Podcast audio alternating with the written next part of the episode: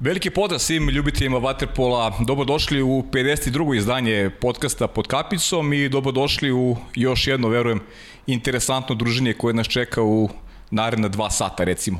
E, za razliku od nekih prethodnih gostiju, e, ovaj današnji je vrlo specifičan jer je čitavu svoju karijeru obeležio e, u radu sa mlađim kategorijama, radio je da kažem, u proizvodnji e, najvećih talenata e, srpskog vaterpola i, i dalje je u struci i dalje radi, da kažem, na toj proizvodnji i oblikovanju mladih vaterpolista i uveren sam da ćete u naredne dva sata uživati u, u, u društvo čoveka koji je utkao sebe bukvalno u ovaj sport. Ali pre nego što ga zvanično predstavim, uh, samo ću još onako dve teme da, da, da opipam. Što se kaže, e, olimpijske igre su u toku, Srbija je loše otvorila turnir porazom protiv Španije, da li to možda se kaže da je loše početak turnira, e, dešavalo se i ranije da je Srbija gubila utakmice na, na, na početcima raznih turnira, ali evo danas protiv Australije verujem da ćemo do kraja emisije imati lepe vesti, tako da, da ta pobeda protiv Australije verujem da će biti i kritična e, kada govorimo o plasmanu u četvrfinale, što je prvi cilj, pa onda, pa onda dalje redom, znaju to najbolji izabranici Dejana Savića, naučili su oko svojih karijera e, kako se gradi pozicija do osvajanja medalje. Danas još jedna interesantna utakmica, Hrvatska koja je pobedila Crnu Goru.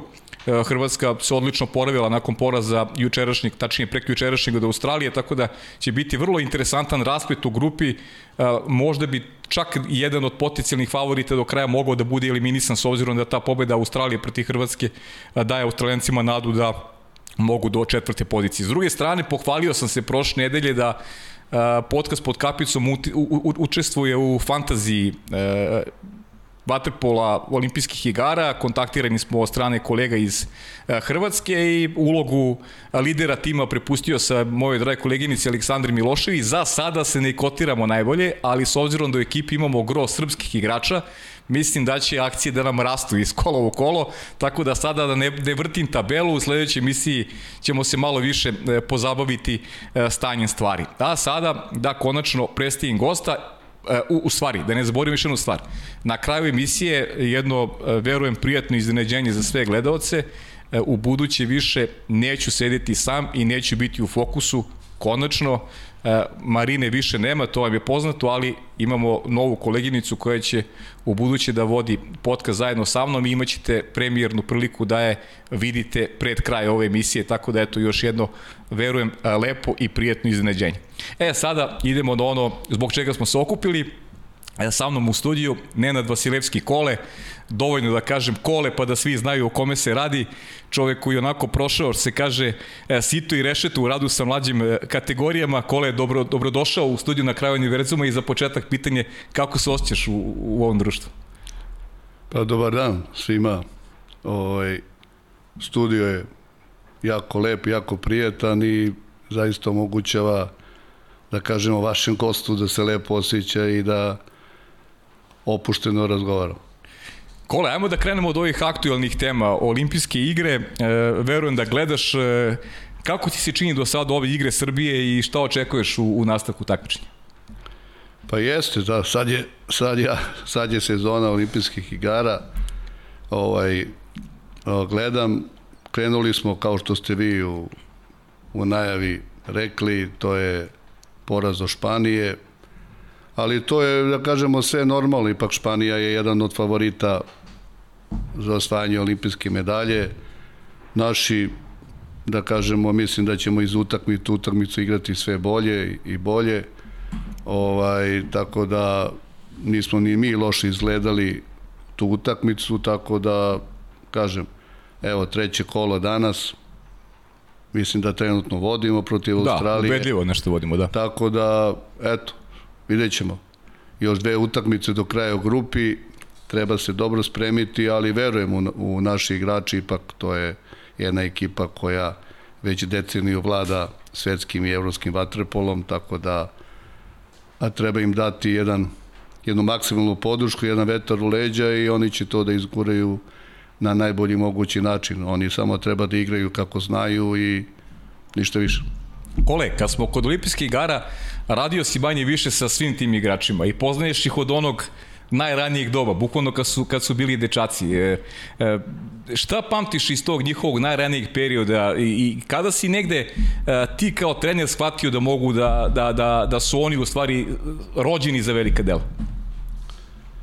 Pa jeste, oni, oni su, da, bili smo zajedno, od, od, da kažemo, svojo, od njihove 15. 16. godine, ovaj, pa to je jedna grupa, da kažemo, sad različitih ovaj, generacija, ali da kažem, ovaj, to je generacija 85, da kažemo, koja sada trenutno je na na, da kažemo, na završetku nad, ovaj, reprezentativne karijere. To je jedna grupa deč, dečaka bila koja zaista nijednog trenutka nisu pokazivali neke slabosti. Znate. Tako da što se tiče treninga, što se tiče napora, mi da kažemo po znacima navoda maltretiranja, ovaj, jer smo morali to da radimo... Mikrofon malo bliže, molim. Jer smo morali to da radimo zato što sad obični, da kažemo, gledoci to i ne mogu da, mm -hmm. da mhm. prepoznaju, a to je, da kažemo, tretiranje, da vidimo koliko oni mogu da izdrže sa svojih 15-16 godina, kasnije kad dođu do senijske konkurencije. Oni su to bez ikakvog, da kažemo, gunđenja dečijeg i tako dalje podnosili, izvršavali sve za, ovaj, ovaj zahteve, tako da već tad se mogo nazirati da jedna grupa njih 4-5 iz generacije 85, pa ovi kasniji koji dolaze, su, su skretali pažnju na, na sebe da mogu da budu ovaj, zaista vrhunski igrači. Tad je bila, da podsjetim, samo Srbija i Crna Gora. Uh mhm. -huh. E, Kole, e, koliko je složen taj proces, ajde kad već govorimo o, o momcima koji su tamo na olimpijskim igrama i uopšteno, koliko je složen taj proces stvaranja igrača? Verujem da ima nekih nepopularnih metoda, momenta kada kreirati neka nezadovoljstva sigurno, reakcijom u kojima mal, mlad čovek ne može da bude svestan da će mu neka vaša metoda koristiti u budućnosti? Pa, Pa bilo je da kažem, bilo je da kažem raznih e, raznih metoda, ali osnovni princip da kažem rada sa sa mladima je bio da kažemo red, rad i disciplina. Znate. Ovaj to su to je bilo e, znači osnovno. Na, naš cilj je bio da da mi kroz kroz rad znači prvi i osnovni cilj ovaj je bio selektiranje igrača za selekciju. Mm -hmm. To je bio prvi osnovni cilj. Što se kaže ni po babu ni po stričijem. A sve ostalo je bilo kao, kao dodatak toga. Tako da mi kroz taj rad, kroz ovaj treninge, kroz trening utakmice, kroz razgovore, kroz da kažemo predavanja i tako dalje, mi smo selektirali tu decu i i eto, pokazalo se na kraju krajeva da, da nismo pogrešili. Uh mhm. -huh. A Kole, možda se izdvoji neko od ovih igrača koji su Tokiju, da li ti možeš to da uradiš kada pričamo o talentu, nekim radnim navikama, možda specifičnostima koje onako mi koji to gledamo sa strane ovaj, i ne možemo da uočimo ni dan danas? Pa dobro, sad teško to sad izvojiti, mislim, ali svako je na neki svoj, svoj način se isticao. Uh -huh. znači eto, bro, da kažemo, jedna grupa tih mladih igrača, a počivši od, od Uleta Pjetlovića, onda, da kažemo, tada je bio rađen, pa, pa Bane Mitrović, znači to je generacija, da kažemo, 85, pa onda koji su bili mlađi, koji su tu igrali, tu su bili Filip i Andrija, tako da, eto, to je jedna, da kažemo, grupa tih igrača koji dan danas je tu. Bio je tu i Ivović koji sada igra za Crnu Goru. Mm. Tako da ovaj su oni da kažemo podskakali svako na neki svoj način. Ovaj pogotovo taj deo iz Boke koji ima neki svoj šmek. Mm -hmm. Onda ovaj naš deo da kažemo beogradski morska, morska voda slana voda. Morska, morska voda, voda slana voda. slatka voda slana voda. Jest tako da da ovaj znači ovaj deo beogradski gde smo mi imali nešto svoje da kažemo jednu disciplinu, jednu fizičku spremu, dok je da kažemo ovaj ovaj taj morski deo donosio uz da kažemo spremu donosio te lucidne poteze koje imaju svako dete iz iz Boke, koji su po ceo dan u moru i tako dalje, probaju razne varijante. Eto, znači, skupilo se baš, da kažemo, o, e, taj spoj toga i da kažemo ovaj jednog dela i drugog dela je doneo da ta jedna grupa odskoči i eto ponovim još jednom već da kažemo jednu deceniju vlada svetskim i evropskim vatrom. Je li bilo kole tu još nekih igrača za koje si mislio da da mogu da, da budu u ovoj grupi koja je sada u Tokiju, a da nisu uspeli iz raznih raznih razloga da, da, da se nametnu, a da su imali dovoljno talenta? Pa dobro, bilo je uglavnom, e, znate šta, e, da kažemo onog, da kažemo koga smo selektirali, on je prošao uh mhm. -huh. do dan danas. Što igra, neko ne igra za reprezentaciju jer je bila jaka konkurencija, ali je igrao, da kažemo, jakim evropskim klubovima ovaj, i ovaj, napravili su zaista velike karijere. Jedini koga, da kažemo, nismo tu da kažemo, ovaj, stavili, neki nijansi su odlučili, to je, to je Mića Aleksić. Uh mhm. -huh. E, on je jedini od tih dečaka 86. godište koji nisu mogli, nisu, ne da nisu mogli, nego su neke nijanse da kažemo, eto, on je otišao, da kažemo, na evropska prvenstva, ali je, eto, da kažemo, dokazao da smo, eto, tu možda -huh. Mhm. da kažem nismo dobro procenili, on je napravio zaista veliku zaista ovaj svetsku karijeru. Uh -huh. Aj priče malo, baš me zanima e, kako izgledaju ti momenti kada nekom treba i reći da, da možda nije za neki, za neki dalji, za, za, za neki napredak, za, za, za nešto što se zove, e, da kažem, igranje za repestivne selekcije. Vraćaju vas malo unazad, kole. Da. U stvari, vratit ću te. Sad da, ja malo da, persiram, da, malo da, pričam ti, dogovorili su se, bude na ti. E, kako i zašto Waterpolo? Ajde, to je, to je onako interesantna priča, verujem. pa jeste, ovaj... Još si mi rekao da je sve krenulo nešto u, u Boki. Pa jeste, mi smo, mislim, moja porodica imala, ovaj, moji roditelji su imali kuću na moru, znači tamo Baušići, čuveni Baušići, odakle ovaj, Ivović. Da, Leka Ivović, tako dalje, ovaj, Tamo smo kao dete o svako leto, svaki raspust, bio zimski, bio letnji, tada sam provodio dole, gledao te treninge, moj rođeni brat je tu nešto onako isto počeo da trenira tamo i ja šta će uzor kao uzor stariji brat. Ovaj, ja reko mogu ja da idem da, da treniram i tako sam počeo tamo da igram, da treniram i onda ono, nema zimi, nema ništa, Beograd ovde, i to je bio jedan trener, tamo je dole radio trener ovaj, Špiros Jerković, koji je inače bio profesor u školi Petar Drapšin, on me ozvao i rekao je možda dođeš na 25. maj, i tada 25. maj, tamo trener Crvena zvezda, možeš tamo da treniraš kako hoćeš, ja šta radim, ajde, hoću, volim ja to i eto, tako je to krenulo, mislim, uz druge sportove koje sam vežbao, ali eto, opredelio sam se za vaterpolo i do dan danas Ljubav, vaterpolo. Ljubav, ljubav na prvi pogled. Da. Hm. A Kole, kako pamtiš taj period iz, iz te igračke karijere? E, sa knji si imao prilike da, da sarađuješ što kao neki saigrač, što kao trener, ko je taj koji te onako oblikovao, da kažem, kao, e, kao, kao igrač? Koliko je trajala uopšte igračka karijera? Pa nisam ja, nisam ja dugo igrao, znate, ovaj, ja sam završio karijeru u svoje 19. godine. Uh mhm. -huh. ovaj, ja sam igrao u Crvenoj zvezdi, tada je, mislim, ko, ko prati Waterpolo je bilo poznato da Crvena zvezda kao klub je uvijek ovo, cele godine igrala dve ligi. To je jedini klub koji igra dve ligi. Znači, igra prvu sajeznu ligu, ispadne, pa igra drugu ligu, pa uđe. Pa opet. Tako. Tako da, ovaj, ono što se kaže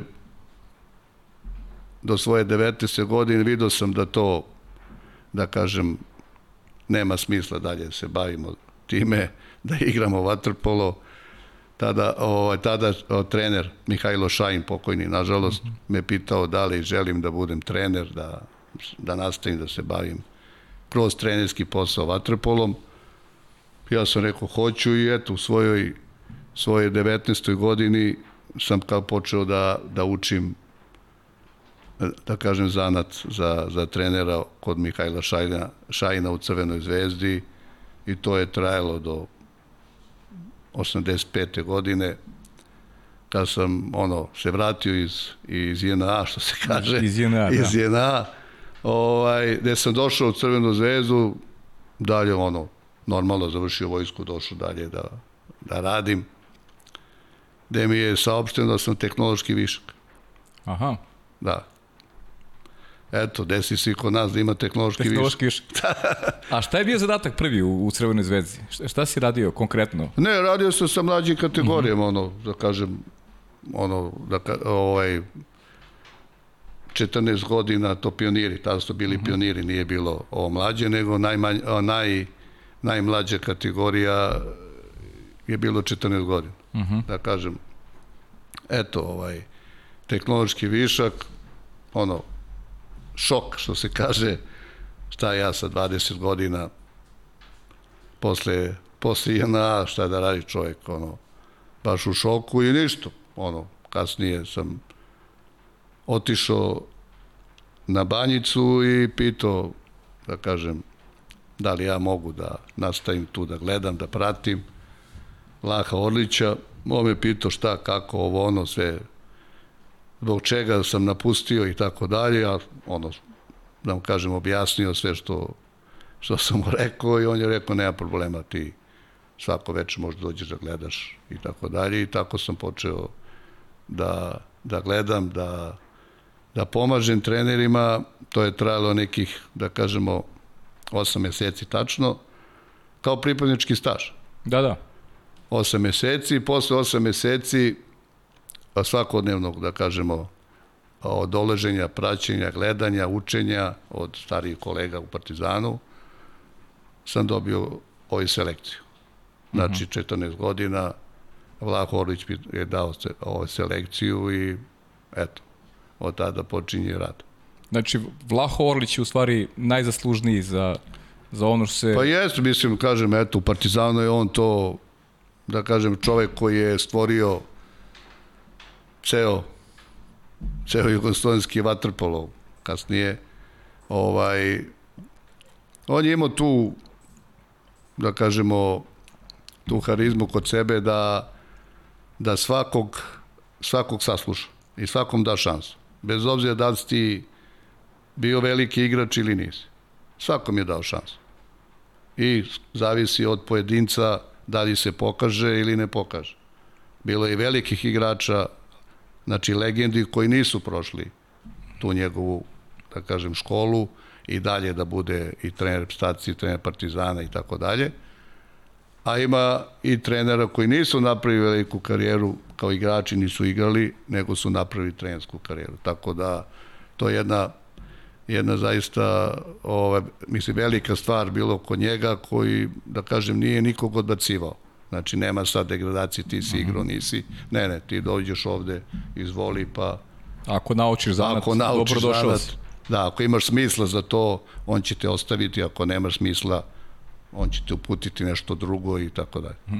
Rekao si mi da, da, da dobio si od, od Vlaha prvu, prvu selekciju, 14 godina dečaci, e, e, pamtiš koji su ti dečaci bili, pa da, koja je to generacija? Kako ne, pa to je, to je generacija 76. 76. 76. To je najpoznatiji među njima Danilo i Kodinović, čuveni dača, mm -hmm. Denis Šefik, ovaj, onda Ganović, Uroš Ganović, da. Uroš Ganović, Krstović, mm -hmm. onda sin velikog igrača Duleta Antunovića i trenera a Franko Antunović, uh mhm. -huh. koji je kasnije otišao u mladost, kad mu je ovaj otac prešao da, da trenira mladost. Tako, eto, to je ovo, eto, da sad ne bi neko zaboravio, posle e, Arista Maljković, to je ta bila ovaj, zajedno ta generacija Arista Maljković, onda Nenad Petrović, Đorđe Pejičić, uh mhm. -huh. eto, to je da kažemo, ovaj Aleksandar Nikolić, uh mhm. -huh. čuveni iz Plića. Plića da. da, da, eto. Da, da, ugostit ćemo i njega ovde u podcastu, je, sigurno, da. Eto, mislim da kažem da sad ne nabrajam, ne, da nekog slučajno ne, ne propustim, bilo je dosta tih dečaka koji su tu igrali, a, a kažem, evo ovo koje, da kažemo, išlo u, u etar, što se kaže. E, daj ka sad da nabrajaš ta imena, dobro poznata imena na, na nivou svetskog vaterpola, ne samo ovih domaćih, a, domaćih tema. E, koliko je bilo teže tada biti petagog u odnosu na današnje vreme, pošto danas obavljaš istu ulogu, opet neke nove generacije, ovako izvodiš ih, što se kaže, na pravi put. E, kako možda porediš ta, taj period u ono vreme, da li su djeca bila poslušnija tada i u, u čemu je, da li postoji neka suštinska razlika u, u, u radu između onog vremena i ovog sada? Pa je, a da, to je standardno pitanje, što da. se kaže. Svi pa pita... meni je interesantno, pogotovo za vas, svi... za, za vas trenere, koji, svi... koji imate iskustva. Da, da. Pa da, svi pitaju to, mislim, znate kako, mogu da kažem sledeće, da je velika razlika. Hmm. Mislim, ogromna razlika, ali ima jedna druga stvar, a to je da e, ciljevi su isti. Samo treba ovaj, sada naći načina kako doći do tog cilja. Mislim, mora naći neki drugi način u odnosu na generaciju pre 20-30 godina, kad je to bilo. Znate. Ovaj, ali razlika, suština je razlika, sad ću vam reći, mislim, neko moje mišljenje, je u roditeljima. To je mhm. najveća razlika. Mhm. -huh. Današnji roditelji i roditelji ovih što sam ja nabrao, to je... Nebo i zemlja. To, ne, to, to je neuporedivo, to ne se poredi. Jer u ono vreme trener, trener je uvek bio Bog. Znači, profesor je bio Bog. Nastavnik u školi je bio Bog. A sada, trener nema pojma, prostor nema pojma no. Da. i tako dalje. I mi sad se susrećemo sa tim stvarima. Znate. Znači, njemu kažeš jednom, nije bilo potrebno pričati sto puta. Zašto, zbog čega? Sve su oni radili tadašnje generacije, jel? Ali sad, u odnosu na ove generacije, neću reći da su oni, da kažem, svako, svako vreme nosi svoje breme, ali, ali su nekako mnogo zaštićeni. Današnje generacije su mnogo zaštićene i Misliš u kući konkretno? Pa da, uopšte da, uh mhm. -huh. da, kući konkretno od strane roditelja, jer nemoguće da, da trener koji radi ili profesor u školi koji predaje, da on ne zna, a da dete zna. Da, to je ne, mislim, nije logično tako. Uh mhm. -huh. Mislim, tako da imamo dosta mi, da kažemo, problema vezano za, za sprovođenje trenarnog procesa, jer ove generacije njemu, sad ću primjera radi, da kažem, ne znam, 10 puta 200, bez problema. A sada, to je, svaki čas ide u toalet, voli ga ruka, da li može da odmori, uh mhm. -huh. i odmah to su, to su on signali da nisu spremni za velika dela. Uh mhm. -huh. Čim, čim prave odstupnici. Pa da. čim prave otpad. Uh mhm, -huh. Tako, uh -huh. uvijek nađe razlog da nešto ne, ne uradi. Da. Ne uradi, da. E, to je, to je po mom nekom mišljenju ovaj, velika razlika. Tako da, ali dobro, mi smo tu da nađemo način kako da to sprovedemo, kako da, da uradimo i da dalje budemo ono što jesmo. Mhm. -huh. Da, baš interesantna tema i, i drago bi da smo je pokrenuli, pa bih se vratio još malo na tu dačinu generaciju uh, kako su, kako su ti iskustva u, u, u radu sa njima? Ipak je to nešto prvo opipljivo što si, što si dobio kao trener, a pritom si ti u to vreme bio mlad čovek, ne, ne mnogo stariji od, od tih momaka. Kako se tu gradi autoritet? Kako se tu gradi uh, upravo ta vrsta priče da igrač uh, slepo sluša ono, ono što mu se kaže? Je to, ili to isključivo autoritet znanja ili tu mora da se malo onako neke psihologije da su potrebi da se tim mladim ljudima priđi, da se onako neki, neki očinski savet da u trenucima kada im je bitan, jer sigurno oni prolaze neke amplitude kada su u pitanju ponašanja. Nije svaki trening isti, nije svaki dan. Čovjek se probudi sutradan pa nije raspoložen uvek za, e, za nešto se zove intenzivan trening i tako dalje. Pa jeste, ovaj, nije velika razlika kad sam počeo da radim, ali znate kako, u ono vreme je lako bilo raditi u Partizanu, znate. To je sama, sama ovaj, ovaj priča o Partizanu, samo ime Partizana je, je govorilo sve, znate. Uh mhm. -huh. Tako da sama deca koje su trenirala u Partizanu, znači imali su primjer ispred sebe ovo, prvotimaca i tako starijih kolega, trenera, svi koji su treneri bili tu, to su sve bili velika imena, da kažemo jugoslovensko, kažemo jugoslovensko vaterpolo je tada je bilo jugoslovenski vaterpolo. Ti nije dozvoljavalo u ono vreme da, da budeš da budeš, da kažemo, nestašan. Bilo je tu nestašluka i tako dalje, ali ali slepo se slušao trener. Znači, bez obzira ko je trener, da li je početnik, da li je iskusan trener, svako dete koje je tu radilo, ono je slušalo bez pogovora. Nije uopšte obraćalo pažnju da li ovako, da li, mislim, koga vodi. Ne, kako se kaže, to je tako. Tako da nikakvih problema ne, ja, ja tu nisam imao jer su bili tu i starije kolege koji su pomagali ako nešto treba, uvek smo su štitili mlade, ovaj, mlade kolege i tako da je to ono išlo da kažem svojim tokom, ali glavna glavna ovaj odlika je bila sama institucija Partizana. Mm -hmm. I šefa Vlaka Orlića i ostalih trenera koji su tada bili od od Nikole Stamenića, Bela Marića i tako dalje. Da, sve velika imena. Kakav je Vlaho bio privatno? Ili, ili bio spreman uvek da da pomogne, ne znam, savetima, da, da uh, mnogo pričamo o njemu kroz ove podcaste i zaslužuje da ga, da ga u kontinuitetu apostrofiramo, pa baš mi zanima kao neko ko je onako imao prilike da, da, da radi sa njim, da ovako nešto, da nešto kažeš Znate vezano kako, za, ovaj, za ni, uh, privatno kao i svi kao i svi veliki ljudi, znate, bez ikakih nekih pritisaka, spontano, sve normalno, znači ponašanje, on je prihvatao, kažem, on je prihvatao sve, sve ljude je prihvatao sasvim normalno i od svakog je nešto učio. Bez obzira, kažem, još jednom ponovim, da li si ti, da li si ti igrao, nisi igrao i tako dalje, a uvijek imao da čuje nešto i da i da nešto nauči, znate. Tako da tako da što se tiče što se tiče da kažem, učenja i njega i to, mislim, on je zahtevao jedan veliki rad. Znači, to nije bilo, nije bilo kompromis, znate. On je tačno pratio svakog trenera uh, u Partizanu i naravno posle u, u reprezentaciji. Pratio je svakog trenera šta radi, kako radi, kako se ponaša na treningu, kako se ponaša na utakmici, kako vodi, kako vodi trening, kako vodi utakmicu.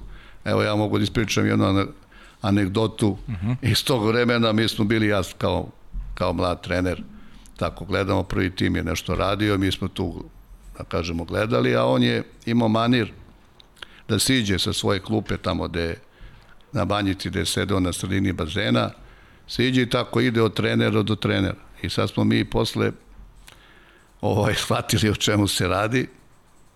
I on je išao i pitao šta je ovo. Znači definiciju ovoga, definiciju onoga i tako dalje. Onda smo mi bežali, da nas to ne pita. tako, ali iz ove perspektive, mislim i kasnije, ne sad ovog trenutka, sam shvatio da je čovjek nama želeo dobro. A mi kao i mi svi ono, e, kao mora nešto da idem da donesem ovo ono. Da. Eto, koliko je on bio posvećen i i kažem, znači kontrolisao je svakog trenera. Da li on čita, da li on uči, da li se obrazuje. Radi da, na sebi, da. Da, da, da radi na sebi i da li može da mu da šansu ili ne. Znači, on je izuzetno cenio to da li čovek čita, radi, napreduje, da ne ostane na onom mestu koji je bio, bez obzira da li je, da li je bio, da kažemo, prvak sa svojim ekipom ili ne, to nije bilo bitno, bitno je samo da on može da, da odgovori zahtevima koji dolaze ovaj kasnije. Stalna edukacija, stalna, stalna edukacija. Da, da. Kole, e, teško je naravno nabrijati sve igrače koji su koji su ti prošli kroz ruke. Pričali smo kako funkcioniše sistem Partizana, znači isprati se jedna generacija bukvalno od, od tog nekog ranog doba pa do nekog stasavanja za prvi tim. I možeš da, da, da navedeš, ako možda je malo nezgodno pitanje, ili možda više, koja ti omiljena generacija bila s kojim si radio u Partizanu, pa da pređemo malo na, na druge klubove? Pa dobro, ovaj, da kažem, dobro, malo, moram malo da vas ispravim. Uh -huh. U Partizanu je samo Nikola Stamenić imao tu mogućnost da radi sa jednom generacijom. Uh -huh. Od početka do kraja? Od početka do kraja. Uh -huh. To je okay. a, ova generacija 70. godište. Uh -huh. 69. 70. E. Sve ostalo se, da kažemo, menjalo. Da li je menjalo posle jedne sezone ili na polu o sezoni kad je ono bilo kup i prvenstvo, mhm, znate. Mhm. E, tako da da je, da je Bata to praktikovao zato što u nekom razgovoru kasnije ovaj, je objasnio da od svakog trenera možeš da naučiš nešto. A, zanimljiva teorija, da. Znate, jer uh mhm. -huh. ako se veže za jednog, To se popuno razlikuje koncepcijski u odnosu na druge sportove. Da, Znam da. da u drugim sportovima jedan trener isprati celu generaciju. Kažem, da, da, znači uvijek si imao da naučiš nešto, samo što Nikola je bio toliko po proceni Blate, Blate Orlića, trener koji je mogao da isprati jednu generaciju, da im daje onu konstantnu edukaciju kroz uh mhm. -huh. o njihovo školovanje i tako dalje do, do seniorskog staža i što je pokazao na kraju kraja. Da, kao trener. Kao trener. A, a dobro, ali izbjegao si vešto ovo pitanje za omiljenu generaciju. ili ima a nije, ili... ne, generacija, ovaj, pa evo, mislim, mogu da kažem, mislim, mm. uvek je prva generacija najmiljenija. Da, znači, tu dačina, dačina. Pa da, tu gde sam, gde sam počeo, što se kaže. I, ili imaš neki moment u, u karijeri kada si onako, mislim u karijeri, u životu sad kad razmišljaš, recimo o tom periodu, da si se možda od nekog e, igrača ogrešio, e, da misliš da da si u tom momentu pomislio da ne može, a da je on napravio karijeru, a i obrnuto, recimo da si za nekog bio ubeđen da, da, je, da je sjajan, da je dobar, a da na kraju nije napravio karijeru kako, kako se očekivalo?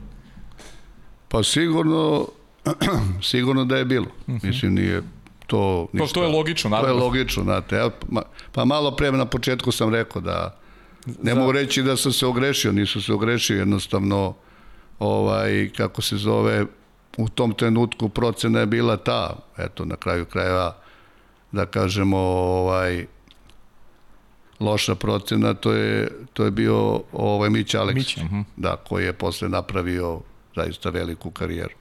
Da, da. Jedino to, a sad, da smo nekog mogli, da smo nekog stavili i nismo, pa znate šta, bilo je tu dosta igrača koji su pokazivali, ali znate kako, to je jedan period rada, a posle je jako bitno da kad pređu kod drugog trenera da to isto tako nastave. Znate. Uh mhm. -huh. Evo, na primer, meni je, da kažemo, napravio, do, mislim, neku karijeru, ali mislim da da ovaj, da kažemo, ovaj, centar Vukićević. A, Jogi. Jogi, da, uh -huh. eto, popularni Jogi, ovaj, sad ne mogu setim imena. Miloš. Miloš Vukićević, poporni jogi, koji je dete, dete rođeno za vodu. Kao fok. Ja kad sam ga trenirao u reprezentaciji, to stvarno dete, je, njemu je prirodna sredina voda. Stvarno ne mogu, mislim, šteta što nije napravio veću karijeru. Veću karijeru. Zaista je neverovatne sposobnosti, centar, levoruk, od Paškvalina nismo imali centar, levoruk, zaista evo, ovo je prvenstvo i dokazao neke svoje potencijale. Da, igra ove godine, igra sjajno. zvezdi, yes. tako da, eto, to mi onako, da kažemo, neću reći žao, ali šteta, šteta što dete nije, nije napravilo više. Da, da, da. Eto, interesantno, da. Pa mislim, znaš kako kažu, kole, ko, e, onaj ko ko ne radi, ko ne radi ne može da pogreši, tako da. Ko ne radi, da, znači ne, ne radiš ne da ništa, da znači ne radiš ništa čim nisi pogrešio. Da, a kako izgledaju ti momenti kad treba kažeš uh, mladom igraču da prosto nije prošao selekciju i si imao, verujem da si imao te momente, to, to nije lak posao sigurno i to je nešto što uvek uh, je nezahvalno, a prosto ti si taj koji, koji o tome odlučuje i ti ti vodiš računu o svojoj selekciji. Ne može njih 30 da, da bude u, u, u sastavu, možda bude 13. Pa jeste, ovaj, malo je nezgodno, ali znate kako, ovaj, ja sam se uvijek trudio sa mojim stručnim štabom, da, da napravim tako, mislim da, da mogu igrači da to potvrde, ovaj, a napravio tako da, da oni znaju šta ja tražim. I ako to ne ispune, znači nemaju da očekuju da će da, da budu u tih 15 igrača. 13, 15, koliko je tada bilo. da. Eto. Tako da, ko mene jeste bilo, da kažemo, disciplina, zaista možda, da kažemo, vojnička disciplina, ali je bilo pošteno. Znači, bez, bez, bez a privilegije bilo koga. Znači, svako je morao da ispuni to što je morao da ispuni sa mojim stručnim štabom, dalje to plivanje, dalje ovo, dalje ono, ali u principu oni su znali da ako ni, da nešto nisu ispunili, da tu nema nema šta da, da traže. Bilo je neki moment kad neki nisu ispunili, ali neka naša procena je bila da, da to dete treba da ide jer očekujemo kasnije da će biti ovaj A reprezentativac jer smo mi morali posle svakog ciklusa da napišemo u, za savez na koga o, mi računamo da će jednog dana da igra za, za selekciju. To su one kategorizacije koje, koje Pa ne, morao si da napiši iz grupe ovaj, koja je tvoja procena od tih 15-30 igrača koji su bili na pripremama, da, da napišeš ko može da bude kasnije arepstivac. Ja, da, da. I ti moraš da stojiš iza toga. Tu nema, tu nema ali, nego ti si to napisao i to stojiš. Uh -huh, uh -huh. Tako da, to je tako, to je tako bila. Znači ja se uvek, kažem, trudio da ponovim, trudio da oni znaju šta ja očekujem njih, ja uvek njima kažem i prema tome tako se deco ponašajte i onda oni sami se sami su oni sebe stavljali i sami sebe su izbacivali iz ekipe. Jasno. Kole, e, poznat si kao trener koji onako po tom individualnom radu, radio si igračima individualno i e, da li je individualni rad nešto što se, što se podrazumeva ili na tome insistiraju, insistiraju igrači? E, I kako recimo izgleda, aj sad da pojednostavimo, kako recimo izgleda jedan individualni trening sa, sa nekim ko, evo recimo sa Jogijem, recimo, ko igra na poziciji centra? Pa dobro... Malo, da, malo, malo ljudima pojasnimo iz te neke... Redko imam priliku da, da razgovaram sa trenerima, pogotovo trenerima koji su, uh, pre, kažem, specijalizovani baš za rad sa mlađim kategorijama. Pa znate, uh, znate šta, ovaj, osnovni postu, ovaj, postulat u radu, da kažemo, Jugoslovenske škole Vatrpola, koja to opet da pomene Vlako Orlić, je nametnuo, a to je da se radi individualno pogotovo sa, sa mladim igračima. I ceo cilj rada mladog igrača, sa mladim igračima, pardon, je bilo obrazovanje, edukacija. Nije bilo da mi idemo sada na prvo mesto. Nama to niko nikad u životu nije rekao. Bitno je samo koliko ti i, o, igrača izbaciš iz svake selekcije. U ono vreme u ono vreme je bilo da iz svake, da kažemo, selekcije izađe jedan i ti si napravio veliki posao. Sad se to malo vremena promenilo, sad bi oprilike od, od 50 dečaka iz grupe trebalo da bude 10%, 5. Mm -hmm. To je sad po nekim novim, da kažemo, parametrima, nije više samo jedan, dovoljno. Sad treba da bude 5. I, I to treba da bude osnovni cilj rada svakog mladog, ne mladog, svakog trenera u mlađim selekcijama, znate. A ne da, a ne da se ide i da se po svaku cenu ovaj, ovaj juri plasman u mlađim kategorijama i tako dalje, tu, tu dolazi do grešaka i naravno da se posle pitamo o, zašto mi nemamo sada neke naslednike i tako dalje. Pa upravo iz tog razloga. -huh. Zato što se ne vodi dovoljno računa o edukaciji i obuci, da kažemo, osnovnih pozicija, to je bek i centar. -huh. To je osnovno. Tako da sva deca moraju to da savladaju. Da bi, da bi mogli da, da igraju vatopol. Hoćeš da mi kažeš da se danas manje individualno radi nego što je to bio slučaj? Pa ja mislim da se danas ne radi uopšte. Uopšte? Uopšte. A ko je kriv za to? Pa sad ja to ne mogu da kažem ko je kriv. Jednostavno, u ono vreme, u ono vreme, da kažemo, eto, Partizana i da kažemo jugoslovenskog i posle srpskog vaterpola, da kažem, u početku je bio Ratko, koji ima jedan drugi ovaj metod treninga gde se bazirao više na, na fizičkoj spremi, koji je prvi uveo neke, da kažem, novine u radu vaterpolista, gledajući trenere, ovaj, pardon, gledajući trening ovaj, Ranka Žeravici, razgovarao sa Rankom Žeravicom, pa je uveo psihološke testove i tako dalje, pa onda je Nikola Stamenić uveo ovaj vežbe iz iz judoa, karatea i tako dalje mhm. kroz trening i samim tim smo mi bili da kažemo ovaj naterani da razmišljamo tako. To su bili ljudi koji su nam davali smernice da kako treba da se radi. I svi ostali treneri, aj neću reći slepo, ali skoro, skoro slepo smo se držali tog, tog principa rada. Neko bolje, neko loši, nebitno, ali svi smo se držali toga. Od, da kažemo, Beograda pa do tamo Slovenije, koji, mislim, ona celi Jugoslavije, da. posle i Srbije. Eto, to je, to je nešto osnovno bilo, ali kažem, ponavljam, sada je bitno, vidim, ja mislim, pratim dosta te, te mlađe ovaj, turnire i gledam i idem, ima interesantnih stvari, ali gledam, uglavnom se ide na, na rezultat. Znate. U, znači sad trenutno imate nekog dečka koji je mnogo jak, on igra, posle toga za godinu dana njega nema, a ono dete koje je možda talentovanije, talentovanije fizički slabije, on ne igra, nema minute i tako dalje, nema pažnju, on nestane i onda mi mi gubimo na, na talentovnoj deci koje mogu jednog dana da, da budu veliki igrači. Znači, promašujemo suštinu, jer to nije samo vaterpol u pitanju, nažalost, eto sad, ovo su neke stvari koje onako ne čujem, kažem, nemamo prilike da ih čujemo redovno u podcastu, opet se sad vraćamo na taj odnos roditelji. I to je nešto se primećuje u drugim sportima, kako roditeljima bitno da njegovo dete igra i da pobeđuje u utakmici pravi se od utakmice mlađe kategorija se pravi kao da su kao da su ne znam koliko važne, a, a promašujemo suštinu da nije to važno, nego kako će to dete da se oblikuje i da li, da li ima a, potencijal u tom sportu ili nema.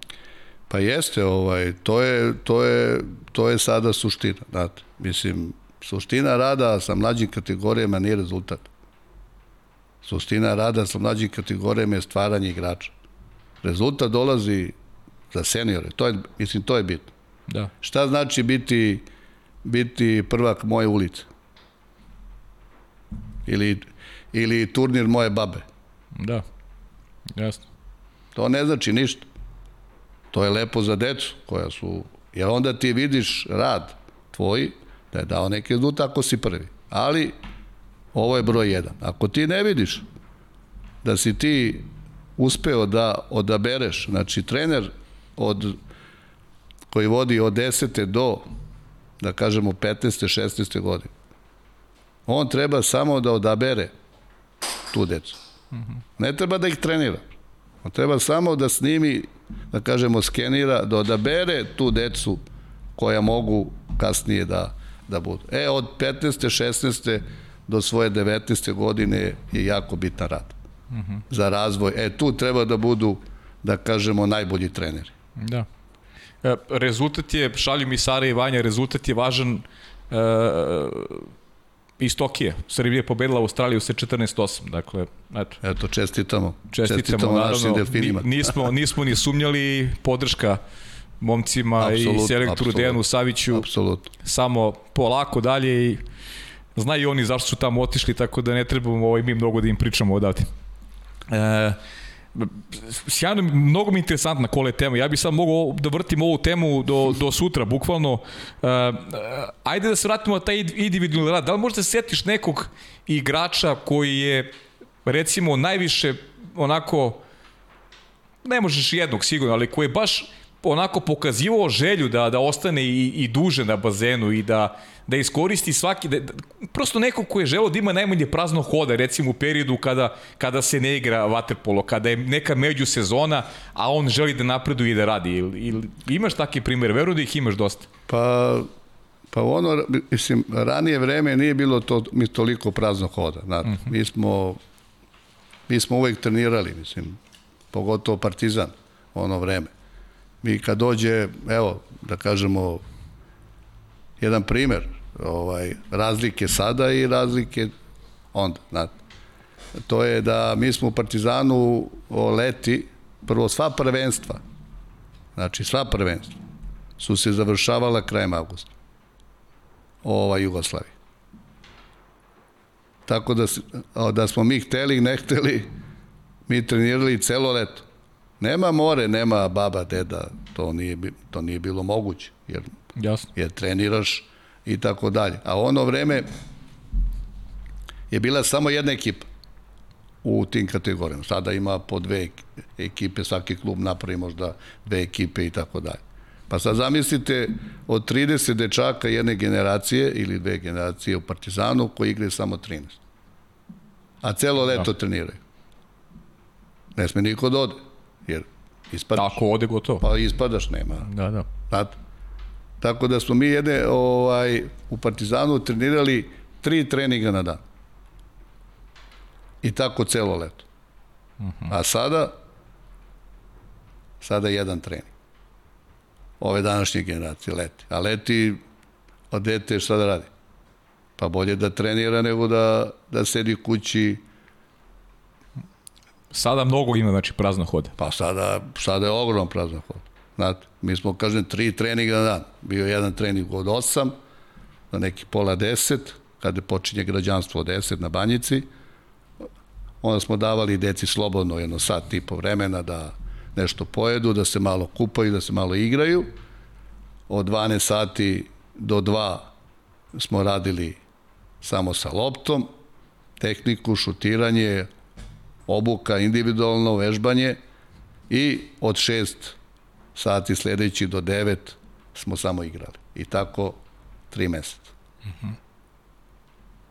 I nije bilo problema da li ćemo da, da idemo na more, da li ćemo da idemo kod babe i dede i tako dalje, da se malo družimo, da ne, ne, to nema kako. Uh -huh. E, opet ću ti postaviti jedno, kada ćeš kliše pitanje, vjerovatno, ovaj, e, škola i, i, i sport koliko si strog bio kada nije bio dobar balans između škole i, i, i sporta i generalno koliko si strog kao trener? Pa, ja mislim da je to vrlo važno. Bez, bez, bez škole, da kažem, nema, nema vrhunskog sportista. Mora škola da se uči. Ja uvek sam savjetovao dete na primjer, hoće da upiše neku školu, dođe kod mene, pita me, na, na primjer, kad završi osmi razred, pa hoće da ide u srednju školu, ja pitam koju školu upisuješ. Kaže, tu i tu. Dobro. Kakav si džak, imam sve petice. Pa što ideš tu? Uh mhm. -huh. Ti prema tvojim sposobnostima trebaš da biraš ono naj, najjaču školu što može da ti da što veće obrazovanje. Mi nismo, mi ono vreme, da kažem, nismo trenirali dva po dnevno to sad čujete priče i tako dalje, dva puta dnevno, ne, ne, dete je treniralo dva puta dnevno, tri put dnevno, samo leti. Zimski rasput dva puta dnevno, kad nema, kad, kad nema, nema škole, školi, kad da. nema obavezu škole. Preko o, školske godine, samo jedan trening na dan. I to uveče kad je bilo termin i to je to. Uh mhm. -huh. A sad neke, da kažemo, ono, da kažemo, individualni trenizi, dupli trenizi i tako dalje, pa nama je bitno, po meni mislim da je bitno da, da igrači moraju što duže da traju. A ti sad ako njega opteretiš, opteretiš da. koliko će onda traje. Jasno. Ima tu jedno interesantno, interesantno pitanje, to će Sara posle da, da je sad uskrčemo ovaj, u, u, u njen ovaj, u njen deo emisije, tako da ćemo da se dotaknemo na kraju emisije, interesantna su pitanja. E, ajde da razbijemo ovaj razgovor sa jednim video uključenjem. Pozdrav svima u studiju, pogotovo Koletu. Evo, dugo mi nije bilo sa pitanjima, pa da krenemo odmah, ne bih, ne bih širio i ne bih pravio dugačak uvod. Kole, hoću od tebe da mi kažeš dve stvari. Prva stvar se odnosi na tvoje iskustvo i na sve gradove gde si bio prisutan kao trener mlađih kategorije ili prve ekipe.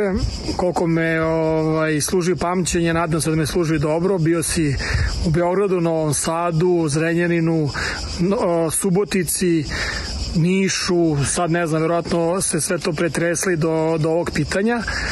A, hoću da mi kažeš, po tvom mišljenju, koja sredina i koji grad od svih tih u kojima si bio radio, po tebi ima najveću perspektivu i najveći broj talenata i gde bi moglo da se izvuče najviše. Naravno tu ne, ne govorim ništa o Beogradu i Partizanu i i tom delu, jer to svi znamo da se to pokazalo, nego reci mi šta ti misliš gde može mnogo više da se izvuče u odnosu na ono kako je sada. A drugo pitanje, klub u kom si trenutno. Zanima me ko ti je omiljeni član uprave i sa kojim najviše voliš da radiš i sarađuješ. I zašto sam to ja? Hvala ti odmah na odgovoru napred. Pozdrav svima i nadam se da su pitanje bilo u redu. Ćao. Hvala Slobodanu Soru, neizbježnom delu ovog podcasta, kao i uvek. pa, Soro, da. Veliki golman. Ovaj, pa evo, za Sora interesantno, on je da se nadoveže na ovo vaše pitanje škola i sport. On je, on je završio matematičku gimnaziju. Znači, može jedno i drugo, nije... Može, da nije obična škola. U njegovom primjeru sve može. U njegovom primjeru sve može, tako da... A koja je sredina? Pa ima dosta tih, da kažemo, sredina, ali moram da kažem sredina koja, koja zaista daje daje velike mislim da nije o, ne mogu reći samo jedna ajde ovako o, broj jedan sredina i Novi Sad uh mhm. -huh. tamo sam dva puta dolazio Tamo sam boravio, da kažemo, dosta, dosta 14 godina. Sam bio u Novom Sadu. Pričat ćemo o tome posebno, da. Ovaj, pa Novi Sad, grad, idealan prvo za život, drugo za, za sport, sportski grad, raznih sportova, grad velikih šampiona, da, u raznim sportovima, tako da i samo vaterpolu. Mislim da je to, da je to klub koji nije dao svoj maksimum iako postoji 85 godina. Mhm. -huh. Zašto i ne, to sad šira tema. Šira tema, a drugi grad, da kažemo drugi grad koji nije uh, nije napravio klub koji isto dugo postoji, sad ne znam tačno godina sad, a ne bih hteo da, da kažem tačno jer ne znam, je Niš. Uh mhm. -huh. Jedan veliki grad koji do dan, do dan danas nije postao ovaj vaterpola centar. E, to je veliki propust. Uh mhm. -huh. Taj grad mora da bude vaterpola centar. Neiskorišćen potencijal. Neiskorišćen potencijal. Isto grad veliki šampiona, da, da ne nabrajam ko je sve odatle izašao. Pa da. Razumete? I Pa evo recimo sad i Sava Ranđelović u krajnjem slučaju. Da, u krajnjem slučaju Sava Ranđelović, ali kažem, To je jedan od milion dece koji je bio tamo. Uh mhm. -huh. To je, to je neverovatno, mislim, da taj grad od, ajde, možda grešim, 400.000 stanovnika. Da. Od prilike, da, da. sad me vi ispravite ako to mhm. -huh. sam pogrešio, ali mislim da je toliko. Nije napravio ono što treba da napravi. I to treba svi da se zapitamo zašto. Kole, a zašto je Soro omiljeni saradnik? Dužni smo, dužni smo mu odgovor. Pa dobro, to je on rekao. To je on, Jeste, dobro, Soro je, imamo neki odnos, eto, da kažemo, od malih njegovih nogu. Ajde, sad ne mogu ja da, da pričam o dobro. sebi, ali, okay. ali ja sam ga doveo u Beograd. Uh mhm. -huh. Iz Vojvodine. Na preporuku moju je doveden u, u Vatrpol klub Beograd. Vatrpol klub Beograd. Da, on je tamo došao, Vatrpol klub Beograd, ko Nikole Stamenić. Da, nije loš lagor, pošto ćemo baš pričati o Beogradu. A, ajde, volio bih samo malo da se, da se malo nekih opštih tema još, da, pa da završimo. Ili bilo nekih ne, neprijatnih situacija, situacija sa pubertetlijama koje uvek misle da su u pravu i onako paraju, e, nosem nebo, E, kako se, kako kole rešavaš te priče, a siguran sam da ih je, da ih je bilo nebrojano put. Pa dobro, bilo je, sigurno da kad je pubertet u pitanju, da. svako radi svoje, ali kažem, ono vreme, dobro, sad nam na što mislite, ali dobro, to je sada... Ne, nema konkretno ništa, ne, nema konkretno. to se rešavalo, da kažemo, ispod tuševa. Ispod tuševa, da. dobro, dobro. Kad svi odu. Kad svi odu, da. Dobro. Tako da u ono vreme, ovaj, tako da, bilo je razgovora, bilo je, uh -huh. da kažemo, i raznih uh, drugih, da kažemo, kazni, tipa neigranja, plivanja, nošenja golova i tako dalje, mhm. ovaj, da bi da bi dete shvatilo gde greši. I znate, gde su granice. I gde su granice. Znači, mhm. -huh. sve može, nije... Znate kako, ja a baš kažem svakom timu, svakim igračima, svim igračima ili sva, ovaj, svim timovima gde sam radio, znate šta, kod mene je sve dozvoljeno. Sve. Nema, nema šta je zabranjeno. Samo ono što, što ne ruši tim. Jasno. Pa sad vi procenite šta ruši tim, šta ne ruši tim. Uh mhm. -huh. A sve može, nije pošto je problem. Uh mhm. -huh. E, ajde za, za kraj ovog bloka o Partizanu. Šta izgledaš kao najveći uspeh u, u, u Partizanu, u tom, tom periodu provedenom na Banjici? Pa, sad, šta najveći uspeh? E, pa ono što sam, o, što smo sve, vre, sve ovo vreme razgovora potencirali, mislim, da. potencirali, a to je da kažem ovaj mnoštvo igrača koje su prošle kroz moje ruke uh -huh. i mhm. koji su kasnije postali veliki igrači. E to je mislim to to je moj najveći uspeh. Mislim da stvaranje igrača i kasnije da o, kasnije kolege da to isto potvrde kroz kad preuzmu stariju grupu i tako dalje. Eto, mislim da je to da je to moj o, najveći uspeh, sve ostalo i u drugom planu. I su zahvalni, kakav odnos kreiraš posle sa Jer verujem da nisu pa, svi odnosi isti, ali, ali prepostavljam da ima pa, neki koji onako ostajete u dobrim odnosima, verujem to sada onda se menja kada prestanete da radite zajedno, kad oni, da kažem, istasaju odrastu, to je sad već drugačiji pogled na ono što je bilo nekad. Pa, ja mogu, mislim, ne znam, ja iz mog iskustva mogu da kažem, ne znam za druge kolege, ali da. pričam o sebi, Pa nije se desilo da, da ni jedan igrač koga ne, o, ne vidim dugo, da ne dođe i da me ne zagali. Uh mhm. -huh. Mislim da je to najveća satisfakcija. Jeste, slažem se. Mislim da jednostavno, bez obzira šta smo sve prošli, radili, ponašali i kazni i tako dalje, da skoro je sad jedan bivši igrat, neću da ga imenujem, Dobro. rekao da sam od njih napravio ljude. Mislim da je to, da je to moj najveći uspeh. Uz, da kažem, kao igrač. Da, da. Da se im, da se im eto, ovaj, trasirao put kako da se ponašaju i svi, da kažem, svi su, pa mogu da kažem ono što znam, ajde, neću reći 100%, ali ne bude 90%, su svi uspešni ljudi u raznim, raznim svojim oblastima koji su kasnije završavali.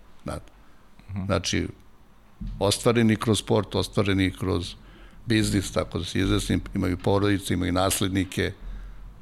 E, to je, kad ja vidim, to mi je najveća ovaj, satisfakcija da je moj rad bio pošten, znači to podlačim pošten i da oni to znaju i, i prepoznaju dan danas. E, dao si mi šlagvor za ovaj temu preko Sora i taj, ta preporuka tvoja za njegov dolazak u Beograd. Pa aj malo mi priči kako je bilo u tom periodu u Beogradu, kako uspeve nosiš odande, s kojim igračima i Beogradova škola vrlo poznata i mnogo igrača koji su izašli i dan danas e, pratimo, ne znam, Marka Petkovića, Nemanju Ubovića, braću Rašović i možemo tako da nabrajamo e, u nedogled. Pa dobro, to da kažem, ovaj Vaterpolo klub Beograd, Taš Majdan, centar, pardon, centar grada. te će ti idealnije mesto za treniranje i tako dalje.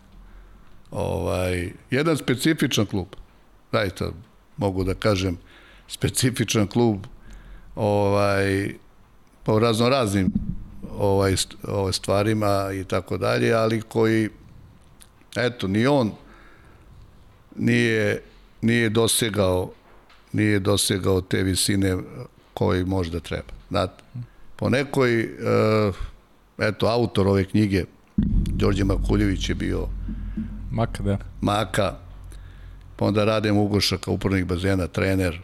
Svi su oni dali veliki doprinos razvoju razvoju Vatrpol kluba Beograd. Znate. Mnogo igrača, mnogo talentovnih igrača su prošli ovaj kroz tu školu Vatrpol kluba Beograd koja koja fali a, dana srpskom vatrpolu. Znate, ovaj, a, pomenuli smo Novi Sad, tako. Jesmo, da. Vojvodina se ugasila kroz mlađe kategorije. Uz lokomotivu, kao što je Partizan. Drugi, o, ovaj bio, znači bila je Vojvodina. Vojvodina, da. Pa i sad u ovoj reprezentaciji groji igrača Pa iz, jest. iz Vojvodine. Onda je bio Beograd, koji je uvijek dao, eto, znači sami ste rekli, Marko Petković, Basara, Basara, da. ovaj, Jogi Vukićević, Marinković, Golman i braća Rašović, Ubović. Pa još sad da ne, ovaj, bio nekoma Mladenović, pa Milićević, koji je to bio prvak Evrope sa Crvenom zvezdom, da. sad ga nema nigde i tako dalje. Dobro, otišao svojim putem. I to, znači, bilo je zaista klub koji je, koji je davao, imao je određeni rad do, do neke određene granice. Posle toga, samim dolaskom, eto se vratimo na Sora, on je došao u Vatrpo klub Beograda, još jedan dečko iz Vojvodine, a to je bilo dovođenje Nikole Stamenića za trenera Beograda. To je uspeo Aleksandar Rašić, tadašnji, da kažemo, direktor, predsednik Vatrpo kluba Beograd, koji je uspeo da dovede jedno veliko ime, a to je bio Nikola Stamenić. Samim tim dolazom je bio Sora, kao jednog od talentovnih mladih golmana, jer sam ja smatrao da, da u tom trenutku njemu trebao jedan rad sa, sa vrhunskim trenerom, kao što je Nikola Stamić. Na moju sreću me Nikola poslušao i, i dao, da kažemo, nalog da se dovede to dete, koji je, koji je studirao matematičku gimnaziju. Da. Tako. Posle su došli, eto, a braći Udovičić su tada igrali za Vatru klub Beograd. Mm -hmm. I tako, ovaj, sve to su bili neki pokušaj, ali nikako taj Vatrpov klub nije, nije izrastao izrastao u jednog stabilnog prvoligaša i stabilnog a, kluba koji igra redovno, da kažemo, Evropu. Mislim da, a, da grad Beograd po svojoj veličini bi trebao da ima sigurno, znači mora da ima tri, tri vrhunska kluba u gradu Beogradu. To, to bez dalje ne može niko da me ubedi da nije tako. Znači, tri vrhunska kluba, grad Beograd mora da ima vatrpol. A mi sad trenutno ovo nemamo. Tako. Pa, Pa trenutno nemamo. Trenutno nemamo. Trenutno sad smo, znači polako ide, ali u ovom vreme je bio samo partizan. da. Mislim, to hoću da kažem. Da, pričamo o onom periodu. Da. Pričamo o onom periodu, Kad da. je bio samo Bukvalno Partizan. je bio samo Partizan, da. Zvezda je bila to što jeste, Beograd. Da, nije se ta škola Beograda dovoljno Pa da nije, kažem, nije, nije. eksploatisala, cijenila, Nije, nije. kako god. Nije bilo dovoljno podrške da taj projekat opstane. Pa jeste, nije bilo dovoljno podrške da taj projekat ostane, sve je to bilo onako na nekim, da kažem, poluamaterskim ovaj, ovaj, osnovama, nije ovaj, se smoglo snage da se uđe u maksimalni profesionalizam, mm -hmm. da, se, da se podigne klub na, na jedan maksimalan nivo i tako dalje, znači s vremena na vreme kako je to trebalo i, i to je do dana današnjeg Vatrpov klub Beograd je tu, da kažemo da jeste, ali šteta, mislim. A dobro, nikad nije kasno, a to je emisija, nikad nije kasno, pa, Da, vidjet ćemo. pa, pa može se desi jednog dana. Da, ovaj, malo smo prošli kroz tu Vojvodinu, taj period ko, u kome si bio u Vojvodini, rekao si, to, to je zaista jedna specifična škola, eto, kažem, u krajnjem slučaju gledam ove momke na olimpijskim igrama, koji su prošli kroz Vojvodinu, neko imali put kasnije dolasti iz Vojvodine u Partizan, Zvezdu, radio si sa njima takođe kao, kao mladim momcima, ne znam, eto, ako hoćeš da izdvojiš nešto što je specifično što te škole, neke saradnike svoje, neko tvoje iskustvo, pa da pređemo malo na, na Spartak Beč i Proleter, to su onako malo sredine o kojima nismo pričali, Spartak Proleter pre svega, radio si tamo Spartak i Proleter, eto meni je to interesantno, ovo pričamo o, o Zrenjaninu i Subotici, baš ti si imao priliku da, da, da razgovara s nekim ko je prošao, ovaj ko je radio u Zrenjaninu i Subotici, kako je tamo stanje stvari? Pa dobro, da, prvo bila Vojvodina, to, Da, tad sam, tad sam preuzeo o ekipu Vojvodine kao prvi trener. Kao prvi trener, da. Da, kao prvi trener Vojvodine. Ovaj, jedna mlada ekipa tada bila, eto, željna, da kažemo, nekog rada, treniranja. Mislim da smo mi bili tada prva B liga, čini mi se, u ono vreme. Pa mogu da kažem ovaj da sam to da sam u to ovaj u tom periodu to je bilo to je bila 2000. godina. Ovaj se opredelio da dam šansu mladim igračima. Znate, uh -huh. tada je bio, od Dejan Stanović je bio trener. O, o ne trener, nego, o, nego golman. a golman Dijan Stanić bio golman tada. bio golman, ovaj, ja sam došao, skupio ekipu i tad su bili Gojko Pjetlović i Bane Mitrović, Gojko svojih 17 godina, Bane svojih svojih 15 godina, mm -hmm. Dejan Stanović, stariji golman, iskusan golman. I onda u tom razgovoru sam rekao, znate šta, ovaj, moj prvi cilj je da, da šansu kroz ligu dobiju mladi igrači. ti Dejane kao možeš da nastaviš da treniraš ako budeš bolji od jednog i drugog golmana ti ćeš braniti ako ne budeš bolji. Znači prvo šansu dobijaju i mladi. Pa ako oni pokažu da još nisu stasali onda ćeš ti dobiti šansu. Jasno. ništa on je rekao da kao da li može da pokuša? Ja rekao može. Nikom nije zabranjeno šta nastavimo dalje treniramo šta.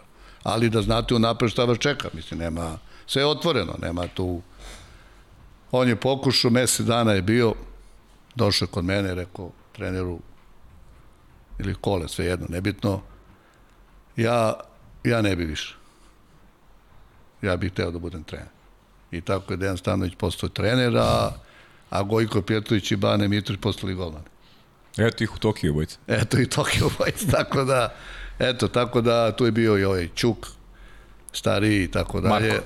Marko, da, ovaj, eto, počeli su tako mladi i onda smo, eto, znači to je bilo onaj sistem stvaranja igrača. Dati šansu mladima, a ne, ne gurati stari igrače. Uh -huh. To je, što se tiče Dobro, Zrenje je to bio sad na kraju, ali što se Da. tiče Subotice, pa nisam, ovaj, Subotice sam bio kratko, ovaj, pa znate šta, to su, Da li su vaterpolo sredine? To me više zanima. Zato... pa da, to se evo kažem, to su specifične sredine, ovaj, a više nacionalne sredine i tako dalje, treba tu se malo privići, navići na taj mentalitet, pogotovo Subotica, uh -huh. mali jedan gradić, da kažemo mali u odnosu na Novi Sad, jel? Iako je bio posle drugog svetskog rata drugi grad po veličini u, u, u Srbiji, posle Beograda, Subotica. Ovaj, Pa, na, mislim, jeste sportski grad, ali, ali Vatrpo sa dugom tradicijom sporta, plivanja i tako dalje, ali, ali nije imao tu tradiciju kao što, na primjer, imala Vojvodina. Znate, nije imao tu tradiciju. Isto važi, isto važi i za Zrenjanin. Zrenje, da. Da, oni su, jesu dali ovaj, jednog igrača, da kažemo dva, Rade Berbakovi i Duda Damjanović, sad se izvinjam ako sam nekog zaboravio, starije generacije, koji su izašli iz tog Zrenjanina, ali jednostavno su izašli zato što su otišli, kao što su braća Pjetlović, braća Ćuk, uh, Rađen Vapenski otišli iz, iz Novog Sada. Novog Sada da. Okruženje koje vlada u tim sredinama nije to koje može da da digne napred. velikog talenta u ovaj, znači velike visine. Za, znači mora da znaš s kim treniraš, s kim si okružen, sa kojim ljudima sarađuješ, da li oni mogu da ti da te da te vinu ili ne mogu da te vinu i to je sada da kažemo borba u, u tim sredinama jer te sredine moraju da znaju jer ako ostane tu nema ništa Jasno. bez, bez znači, uz dužno poštovanje svakog ovog koji radi u tom klubovima, ali jednostavno zna se da, da moraju ti talenti da odu u okruženja koja, koja daju ovaj naobrazbu da, da postaneš veliki šampion. Kole, ajmo ovaj u Kragujevac, se selimo sada. Kako su, kakve su iskustva u Kragujevcu? Opet rad tamo sa, sa mlađim kategorijama. Evo vidimo danas ima mnogo kragujevačke dece koji igra kroz neke nacionalne selekcije. Ti si tamo ostavio trag kao, kao trener mlađih kategorija. Kakva su iskustva? Pa dobro, Kragujevac, ovaj, pa, pa lepa, lepa iskustva, ne mogu da kažem, ja. Četiri godine, Nije o, malo. nije malo što se kaže, četiri godine rada u, u Kragujevcu, bili smo, znači morali smo da postavimo, da kažemo, temelje vaterpolo škole koja je bila, malo smo to, da kažem, malo sam to organizovao sa saradnicima koji su tada radili. I da, o, ovaj i prvi, da kažemo, igrač koji izašao odatle iz, iz te mlade generacije, on je došao iz Leskovca. Došli su braća Stanojević i ovaj Ganić. I Ganić, e, da. sada, pa dobro, mislim, kažem, oni su došli sa svojih 13 godina. Deca. Deca, mislim. Eto, sad je ovaj Nemanja Stanović, da kažemo. Prvo timac, da, reprezentativac, juniorski. Da, prvotimac radničkog, bio je na širem spisku A selekcije kao, kao mlad perspektivni igrač.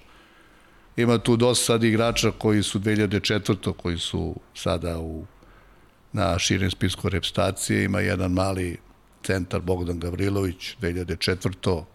koji je na spisku 2001. generacije sada na turniru u Nikšiću, čini mi se, uh -huh. koliko sam mogu da, da pročitam.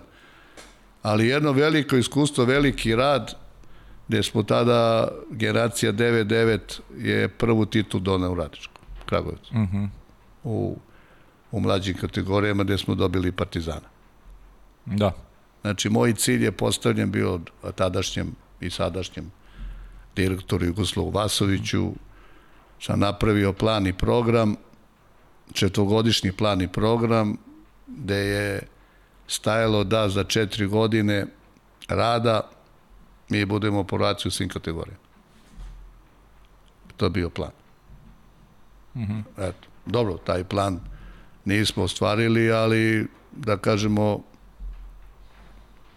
uvek postojiš visoke ciljeve. Tako Pa da, dobro, ali je opet sad priča s početka. opet je bilo da važnije stvaranje mlađih, Da, tako je da se, ali kaže stvaranje mlađih igrača, ali ajde da stavimo da budemo najbolja vaterpolo škola, tako mm -hmm. da se izrazim, najbolja vaterpolo škola u Srbiji. Mm -hmm.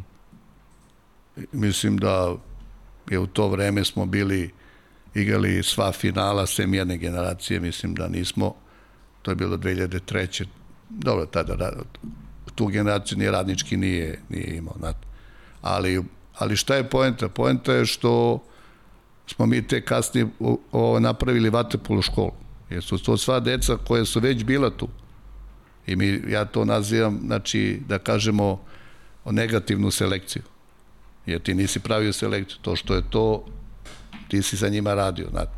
Znači, da. nisi ti izabrao tih 15 od 50 nego jednostavno koliko je zatečeno, mi smo to stvorili, formirali grupe sa, tada je bio trener ovaj, Nemanja Andrić, bio je trener Živislo Živanović, bio je ovaj Dane Nikolić, koji je trener iz Kragujevca, ja kao šef mlađih kategorija, koji smo se ključilo bavili sa, sa mladima, uz podršku direktora, da kažem, Jugoslava Vasovića, eto, Petar Mitrović izašao iz te vaterpolo škole. Da, centar. Da. Centar koji je sada u Novom Beogradu, da, koji je da. sada u reprezentaciji. Uh mhm. -huh. Mislim, 2001.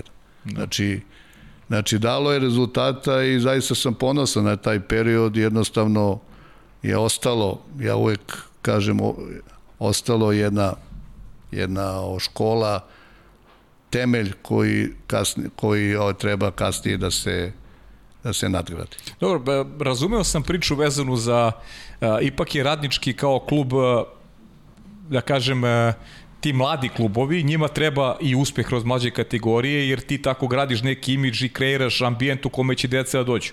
Za njima u starom Juroš, rekao Stevanović kada je bio ovde, da su posle osvajanja Jadranske lige, da se sutradan 50 dece javilo da se upiše u školu. I to je, to je veća pobeda od samog trofeja Jadranskoj ligi. Jer ipak ne, ne postoji bolji pelcer uh, E, od uspeha. Svako se vezuje za, za rezultat i, i negde kad deca vide da, da, da je nešto uspešno, hoće tome da se, da se nekako priključe, da budu deo toga.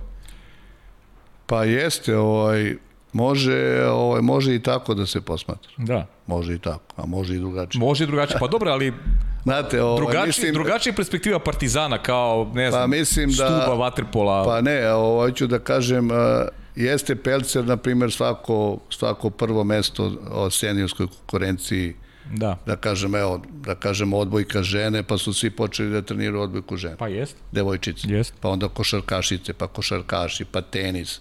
Svi hoću da, svi žele da budu Novak Đoković, tako Jelena Janković, Ana Ivanović i tako jest. dalje. Ali mislim da to jeste uspeh, ne može niko da ospori da nije uspeh. A, a šta hoću da kažem? E, Znači, onog trenutka, kada naš, naš sport, vaterpolo, pričam o nama, kada ti svake godine, svakog septembra, ti upisuješ novih 50.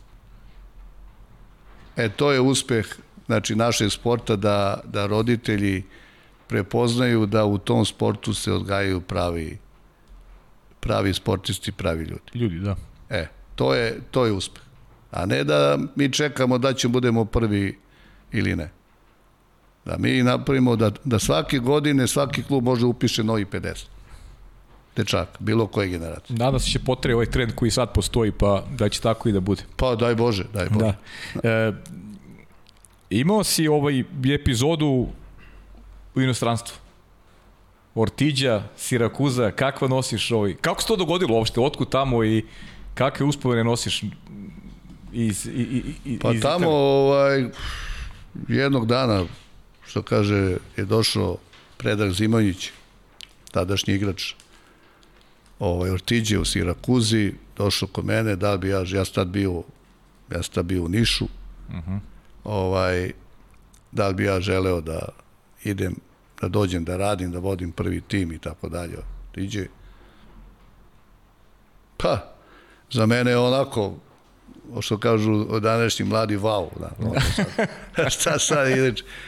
Pa ovaj, san svakog e, trenera je da ono, znate ono kalčo, ovo ono Italija, Italija da. ludilo da. i tako dalje. Ovaj, ja rekao, hoću. Mada sam trebao da preuzem Niš. Posle Nene Manojlovića, on da. je već najavio da, da neće više da radi i da ja trebam da preuzmem. Uh -huh. Ja sam se opredelio za Italiju, jedno lepo iskustvo. Problem je bio jednostavno jezik. Uh -huh. Slabo ja, mislim, realno slabo stojim sa jezicima, znate, i onda uh -huh. je to bilo malo, malo problem. Ja drugi, na, mislim, drugi mentalitet, gde sam ja bio onako malo poučen našim iskustvom da svi kukaju za plivanje. I kad daš trening plivanja, svi, svi igrači naši jao mnogo i tako dalje. A ovamo je obrnuto. Vamo daš plivanje, oni, oni, oni radosni. Kad daš loptu, kada malo insistiraš na, na obuci, Tehnički na tehničkim finesama, da. finesama, detaljima, taktici, oni se svi bune. Kad promeniš nekog sa levog, staviš na desno, da vidiš čisto da li može da i tamo funkcioniše, on odižali se predsjedniku kluba što više ne igra levo nego igra desno.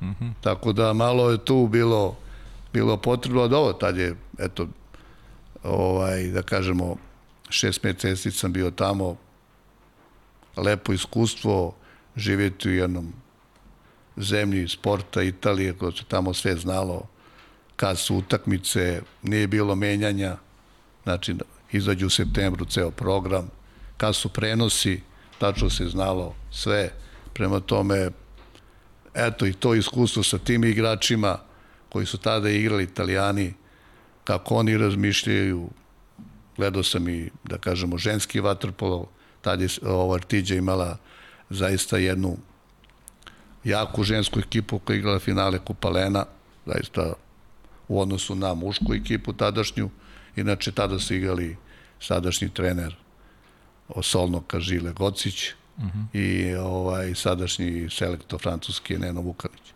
Neno oni su igrali, da. oni su igrali tada kod mene.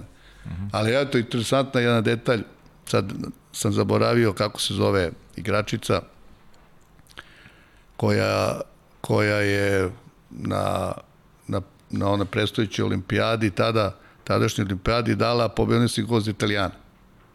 I došla je u Tiđu. I ja sad, i mi smo delili, pola bazena je bila ženski, a pola bazena je bila muška sekcija. Znate. I tu smo zajedno radili, sad gledamo i sad oni se dobacuju, ja sad to, to i devojci, tadašnjoj igračici, kažem, e, trebali bi da bacaš ovako i onako loptu. Ovako, čisto, da kažemo, jedan savet, ništa da. drugo. Da. I ona kaže, dobro, i, i ovaj sledeći trening isto imamo zajedno, ja gledam ovaj, kako ona baca, ona gleda da li ja to gledam i posle treninga dođe da sam ja to da, ovaj, dobro radila. Ono što ste, uh mhm. -huh. što si rekao. Znači, igračica koja donala zlato olimpijsko ovo italijanskom vatru. Da, sjajno. Koliko su, imaš primjera koliko igrači koji prihvataju da, neke da, da. stvari. Znači, nema tu sad ono da digne nos i ovo. Da, šta mi ovaj priča sad o šta meni? Šta sad, ja, ja, ja znam ja, sve. Ja rešila olimpijsku, ja rešila, ja, sad neko mi priča šta da, da radim, da. Ko je ovaj došao da, da. sad iz Srbije da mi, da mi drži predavanje. Tako da, eto, to je baš onako i svakog nekog, da kažem, dela može uvek da se nešto mhm. nauči, da se... Da da se ovaj ispriča tako jedna jedna pozitivna. Kako je bilo sa Žiletom i sa Nenom? Kako je bilo? Ma ne, mislim to je bilo to je bilo super. Žile je tada bio u Nišu sa mnom. A da, jeste, Žile bio u Nišu. On je da. bio u Nišu sa mnom, ja sam došao, dole smo Žileta, treba nam centar, Neno Vukanić. Žile, Pa imamo i tu anegdotu, eto, za, za Živka Gocića. Uh mhm. -huh. On je poznat po tome što, igro, što igra fantastičnu odbranu. I ono, vežbamo, radimo, utakmice. On igra fantastično, ali nije bio neki, neću reći nije bio neki, nego nije mu bila glavna o, ove odlika da daje golove. Uh -huh nego uvek je odbranu čuo najbolji igrače sa te zgodne strane, asistirao ovaj, drugim igračima, kako centru, tako o, dru, o levoj zgodnoj strani. I dolazi neki sastanak, predsednik Ortiđe, Pepe Marota, kaže, imamo problem. Kakav problem sad? Pa kao Živko Kocić i Neno Vukanić ne igraju dobro. Kako bre, ne igraju dobro sad, ja, Pa igra fantastično, ne, ne možeš bolje od toga što, što igrao, bi se stvarno držao, nema gola sa te strane, nema kontre, sve. Ovaj, Neno Vukanić zaradi po utakmici 10 isključenja, šta, će, šta ćete veći učinak centru nego dobiješ 10 igrača više, pa Tako sad... Ovaj, onda sam shvatio da stranac tamo mora da da gol da se to samo gleda. Ovo drugo, koga to interesuje. Da, da, da, jasno. A on je igrao našu školu vatrpa. On je radio ono, ono što, što se njega traži na najbolji traži, mogući način. Da, da. Ja. Samo čovek nije bio zadovoljan što ovaj ne, ne daje dva, tri gola po utakmici primjera radi i tako da. Da, da. Neverovatno. A znate šta je, šta je sve postigao u svojoj karijeri. Pa možda je upravo, možda je upravo to detalj koji otkriva zbog čega je Srbija najbolja. Pa jest, jest. Imaju tu mnogo anegdota za Žileta Gosića, ali dobro. Dobro, a? ajde, hoćemo da ih preskočimo. A? Ajde, pre nego što ona, završimo, pre nego što Sari prepusti mikrofon, imamo još jedno video pitanje, pa da se dotaknemo još nekih tema. Ćao svima. Veliki pozdrav za tebe, Paju i tvoju ekipu u studiju, kao i za mog nekadašnjeg učitelja, a od skoro i kolege Koleta. Imao bih dva pitanja za njega. Prvo pitanje je vezano da napravi paralelu u radu sa nekadašnjim generacijama, među kojima je i moja, i treniranju njih i ovih današnjih generacija. A drugo pitanje je da izdvoju neku od anegdota i dogodovština e, koje je imao sa svojim mentorima, Batom Orlićem i Nikolom Stamenićem. Još jednom veliki pozdrav za sve. Ćao. Hvala Đoletu Filipoviću koji nas je ovaj, onako da kažem, poslao nam je pitanje iz Amerike i želimo mu lep provo tamo i vidimo se kad, kad se vrati. Pa vidi, čekat ću ga. Da, naravno. Kolege. Kolege. Da. Ovaj, pa ja mislim, mislim da smo na prvo pitanje Jesmo, da. da. o, već odgovorili, Jesmo, da jesmo. kažemo razlika Jesmo. u nekim sadaš, mislim, budući Jest, jesmo. o, generacija. A što se tiče anegdote mentora, što je rekao Vlaho Orlića i, i Nikole Stamirića, pa bilo, da kažem, glavna priča što se tiče njih samih, što su oni uvek, da kažem, ono što sam i apostrofirao, to je da su se uvek odnosili prema kolegama, da kažemo, mlađim, slabijim, da ka, kako se izrazim, od sebe ovaj, na jedan ravan način.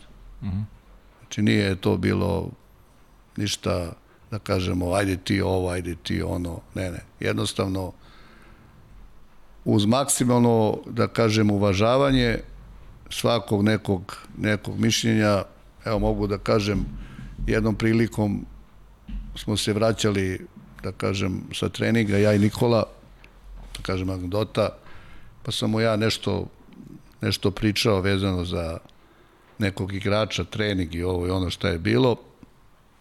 Ništa, on je samo to slušao. Kad smo se uveče videli na, na treningu, on je rekao, vidi, nisi u pravu. Dok toga i toga. Znači, saslušao je to, otišao kući i razmislio.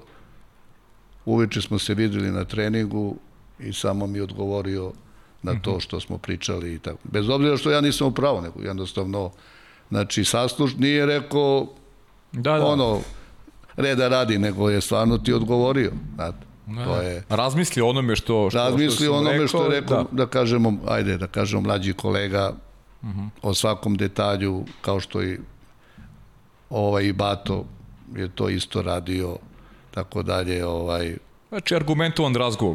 Mogu Jeste, da se a mogu vodi. reći, eto, nije bilo pitanja, ali mogu da kažem anegdotu sa Ratkom Rudićem. Može, ajde, odlično. To je, on je tada isto bio šef Partizanu. Smo bili na priprema u ovaj Biogradu na moru. Partizan je tada bio, to bio generacija ovaj Petra Trbojevića, Savića, Žareta, Žara Petrovića, Mihajlo Peđe Mihajlovića, Kuljače, Jugoslava Vasović i tako dalje. To je Ratko poveo tu grupu igrača i poveo mene kao da mu pomažem u, ovaj, u radu. Prvo, koliko su oni, da kažem, koliko su oni veličine. Čovjek je došao posle, znači, druge olimpijske zlatne medalje, znači 88. posle Seula, došao u Partizan i otišli na pripreme i ljudi stave mene i njega zajedno u sobu. I to u brači krevet. On nije reč rekao. Nije tražio posebnu sobu i tako dalje. Ne, okej. Okay. Kaže, ja ću ovu polovinu, ti ćeš ovu. I onda jedno, jedno jutro me on drma ono, za nogu, me budi, bilo nekih šest, pola, sedam. Ja se probudim. Ajde, kaže, spremaj se. Ja sad pogledam sat, vidim pola sedam. Trening je bio kasnije nešto, pola devet, čini mi se. Ujutro ili devet u bazenu. Rekao, pa dobro, ako ima još, još vremena. Kaže, ne, ne, nema vremena. Ustaj, spremaj se, idemo. Doručak je bio u pola osam. Idemo da da budemo 15 minuta ranije pre svih igrača da vidimo ovaj kako dolaze.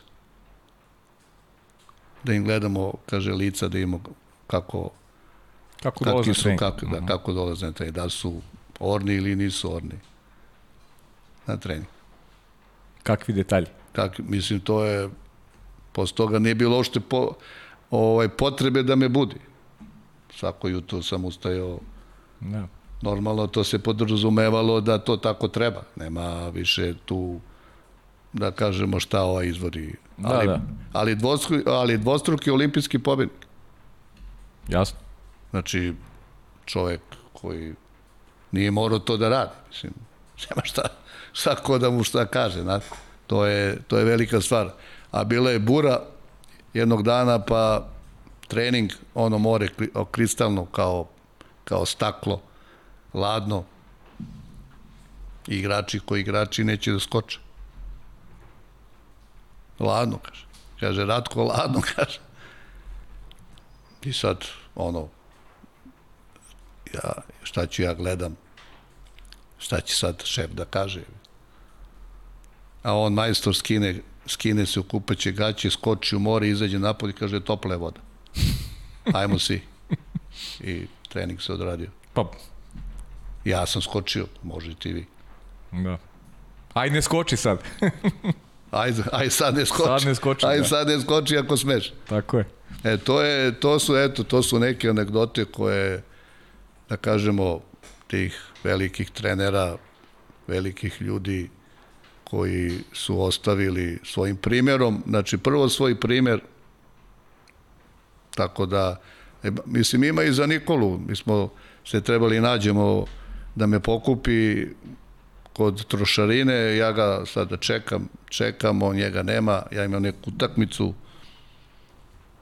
ja uzem taksi, odem, on do, ono, i pričamo, kaže, vidi, ako me nema, ti imaš obavez. Ti moraš da budeš sine pre mene. To što mene nema, nemoj da ti interes ti imaš, svojim put, ti imaš svoju obavezu, mora da budeš tamo. I to je anegdota jedna, zaista ja rekao, ajde čekam, možda će čovjek, znaš, ono, da dođe pa me nema, ne, ne, kaže, to, ti, tvoj posao na prvo mesto. Jasno. Završena priča, nema šta ti čekaš. Ti imaš da dođeš tu, imaš sastanak sa igračima, imaš tvoju utakmicu i ti to možeš da radiš. Uh Mhm. -huh. Eto, to su neke onako, ovo, da kažem, poučne anegdote da. iz... I, i, iz aspekta starih trenera koji su oblikovali u principu tu nazovi jugoslovensku školu, pa, pa jeste, tim i tipa legendi, školu, da. da, legendi velikih igrača, velikih trenera i zaista velikih učitelja. Nema tu koji su, mogu, mislim da kažemo, u odnosu na neka vremena, jel? Uh -huh.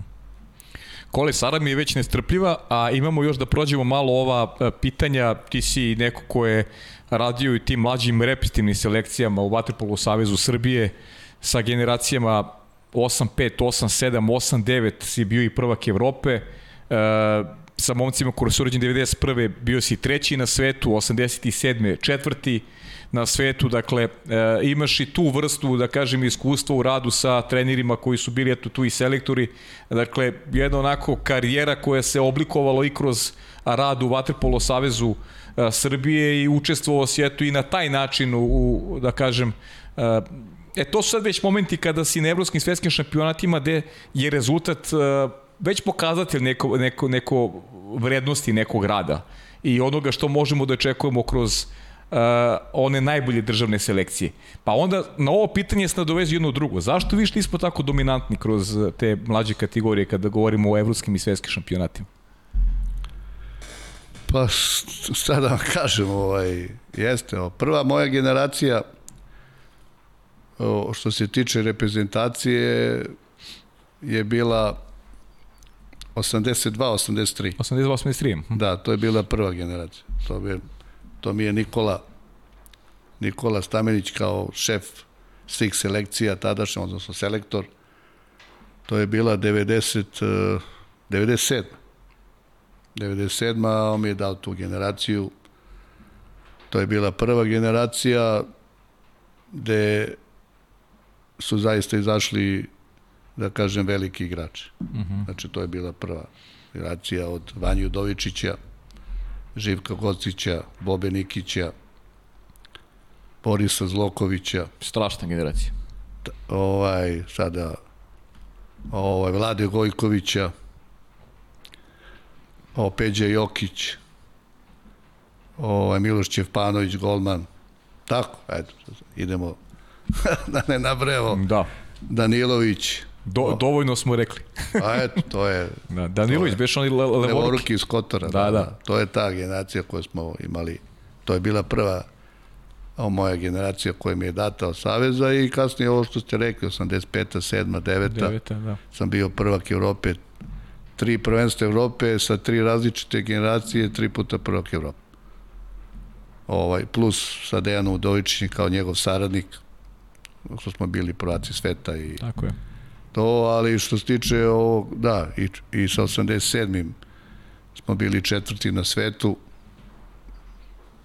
ali to nije igrala ta ova generacija. To je igrala mlađa generacija. Uh -huh, uh -huh. To nisu bili Filip, Andrija, ovaj, Voja Vjezegić i tako dalje. Oni nisu bili tadašnji selektor Dejan Udovičić i šef Savezu Nena Manojlović su se opredelili da mi idemo sa mlađom generacijom, 89, gro 89, plus, da kažemo, 2, 3, 88 generacija, Stefan Mitrović, Pero Evošević, Miloš Marinković, smo išli na prvenstvo sveta za 87.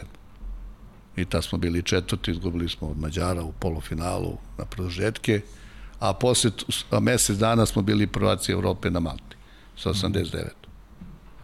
Mislim, to smo bili super, tu, da, da. to nije bilo, nije bilo problema, tako da, eto, to je, da kažemo, ovaj, da kažemo ukratko, da ne govorimo o igračima koji su 85. 7.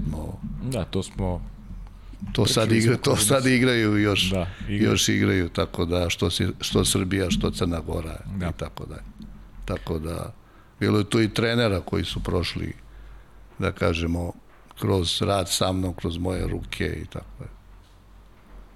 Pričat ćemo to, to ima, kažem, taj segment sa Saurom, ali ja moram da posvetim malo segment e, priče našoj i redonoj ovaj, e,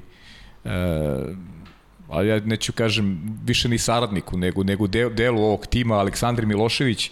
Ona me je postila na par interesantnih stvari svojim pitanjima, e, Kole, Denis je ispričao ovde u podcastu, ne znam da li si gledao, Denis Šefik je pričao da kako je prestao da trenira uh, vaterpolo Dobro. i da je onda na jednoj futbolskoj utakmici četiri sreo koleta koji ga je ponovo pozvao da trenira i pošto ga je pole, kole pozvao, on se vratio u bazen i svi znamo evo ko je Denis Šefik složit ćemo se svi jedan od najboljih golmana svih vremena, mnogi će kažu da je najbolji golman svih vremena Denis Šefik, tako da eto, onako baš lepa anegdota, Denis je ispričao, pa ajde sad... Pa jeste, ovaj, tačno, tačno, on je došao, to je bio 11. april, mislim da, 11. april se je tada zvao, sad se zove Vlaho Orlić, bazen, tako? Da. 11. april je bio, ja, to je bila Crvena zvezda. Uh mhm. -huh. I tu smo radili ja i, ja i trener Saša Anastasijević smo vodili te, te mlađe selekcije u Crvenoj zvezdi i došao je dečko visok ovaj, na vrata sa, sa njegovim ocem pokojnim Nešom Šefikom da li može on da trenira vaterpolo, trenira malo vaterpolo na Tašmajdanu kod Đorđe Makuljevića, malo Herceg Novi, ovo ono i teo bi da trenira. On je tad bio igrač. Nije on, on radi u Beogradu kao golman, on je igrao, bio igrač. I ja rekao, dobro, koje si godište? Dete, on kaže 76. i sad kolega Saša Nestisivić, inače veliki zvezdaš, a ja veliki partizanovac, dva druga, jedan sa jedne druge strane, što se kaže, i on kaže 76. Psi ovaj kaže, pa ne primamo tu više tu, to godište i tako dalje. Ja rekao, dobro, samo da te pitam za koga navijaš? Pa kaže, za partizan. Dođi ti kod mene. Ajmo, rekao, skinite se ovde i ja ću da vas probam. Pustite kolegu. I tu su, ono, smeh i tako dalje i ja, aj, skoči sine. Otpliva i noge prsnu. To je uglavnom, da kažemo, neka proba da li dete zna noge prsno, noge bicikl. To su osnovne, da kažemo, ovaj, pokreti u vodi za vaterpoliste. I on kako je udario sa nogama prsno, otišao do pola bazena. Ja kad sam vidio, rekao, čekaj, stani, rekao, dođi sine ovamo. Dobro, ne trebaš više da plivaš. Došao dete, rekao, aj stani na gol. Rekao, ti će budeš golman. On me gleda, tenis. Rekao, da, da, ti će budeš golman, ti nemaš šta drugo da budeš neko golman. Ajde, šutirajte, rekao, deco, šutirajte ovde na gol, ja malo pogledao, vidimo, vidimo on brani, a nikad nije stao na gol. I to je bio, jedan, dva treninga je bio, nije, nije više došao, ja baš pitao, rekao, gde je vaš drugar, kolega Denis, deco, ne, ne znam, treneru, na. I ja odem na utakmicu, na JNA, i ovaj, završi se utakmicu i ono, sačekaš malo se isprazni tribine i krenem i vidim Denis. Denisa sa njegovim ocem, ja, e, desi, šta si? Je rekao, evo ja sam sad u Partizanu, aj ti dođi, hoćeš za trener, dođi u Partizan. Sad smo, sad smo na pravoj strani. Na, pravi, na pravoj strani. Sad smo na pravoj strani. I o, stvarno dođe, otac ga dovede, ja ga odvedem kod trenera Miško Stefanovića, pokojnog, čuvenog Miško Stefanovića, tvorca golmana i radu sa golmanima, ja ako Miško, rekao, vidi, ovaj novi nas, naš golman, hoće da ga učiš sad da radi. I, i, i tako je Denis, tako je Denis počeo. Da, sjajno. A, Aleksandar ima još jedno pitanje koje mi je interesantno, kaže, dok je radio u Nišu bio pomoćnik Nenada Manolovića, kako je to iskustvo bilo, koliko mu je značilo i e, imali neka anegdota vezano za taj period, kaže, slušali smo od gostiju e, priču o dugim treninzima i putovanjima. bilo, bilo je. Da. Pa eto, taj Niš, ovaj, pa ima, ovaj, ja sam, da, radio sam sa, sa Nenom Manoljevićem, on je bio prvi trener, ja sam bio njegov pomoćni trener, zadužen za sve mlađe selekcije i, i pomagao tamo u radu sa golmanima i tako dalje. Pa zaista jedno lepo iskustvo. Lepo iskustvo. Mi kad smo došli u klub, ovaj, bilo je 50 dečaka. Samo u Nišu. U celoj, mislim u svim generacijama vaterpolo škole i tako dalje. Ja kad sam otišao ovo Sirakuza, Italija, ovaj, ostalo je 250 dečaka u celom klubu. Bilo je zaista jedan veliki rad, mukotrpan rad, velika putovanja, stalno smo putovali, stalno smo išli za Kotor, za Budvu, sparingovali sa, sa Kotorom, sa, sa Budom, Herceg Novim. Što kaže, najduže putovanje je bilo za, za Montpellier na kup ovaj, sajanskih gradova, mislim da tako nešto se mhm. zvalo. Mm -hmm. ovaj, tako da uvek jedino svetlo koje je gorelo iznad, iznad stolice sedišta, pardon, sedišta je bilo Nene Manović, mm. koji je ceo put radio. Svi mi spavamo, hrčemo.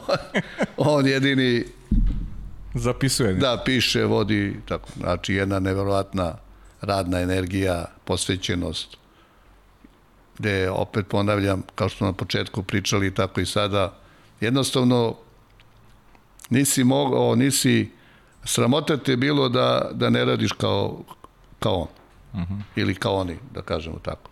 Uh -huh. Znači, nisi mogao, jednostavno, prvi čovjek ti daje primjer kako treba, a ti si tu trener i sad ti znači to je ono što je razlika što jednostavno ovaj mi mlađi treneri smo zaista nas je bilo sramota da da ne radimo i ne budemo posvećeni kao da kažemo naše starije kolege učitelji koji su to radili. Jasno. Da, ne bi bilo lepo da ti čitaš romane a ovaj čovjek ti piše, radi ili Nikola stvara, ti gledaš u nebo. Da, da. To, to jednostavno nije moglo. To je, to je to što, mislim, nedostaje. Jasno. Kole, e, pre nego što te prepustim Sari njenim pitanjima, hoću samo za kraj ja da te pitam da li si zadovoljan i da li možda ima nešto što te nisam pitao, a volo bi da kažeš nevezano za ovaj posljednji segment koji ćeš sad imati u društvu naše drage Sare Radovića. Pa dobro, mislim, ima tu mnogo e, stvari, ovaj, ima dosta tema. Obeći mi da ćeš doći ponovo, da ćemo se družiti ponovo, biće, biće još prilika da... Uvek, uvek, ako me pozovete, ja hoću, ću rado... Hoću se zadovoljstvo. Se dozvoliti vašem pozivu. Ima dosta, dosta, da kažemo, tema, na primer, ja moram da uh mhm. -huh. kažem, vezano i za neku strategiju, uh mhm. -huh. strategiju razvoja, Može. da kažem, vaterpola, što, eto, nismo, da mhm. kažemo, uh -huh. možda spomenuli.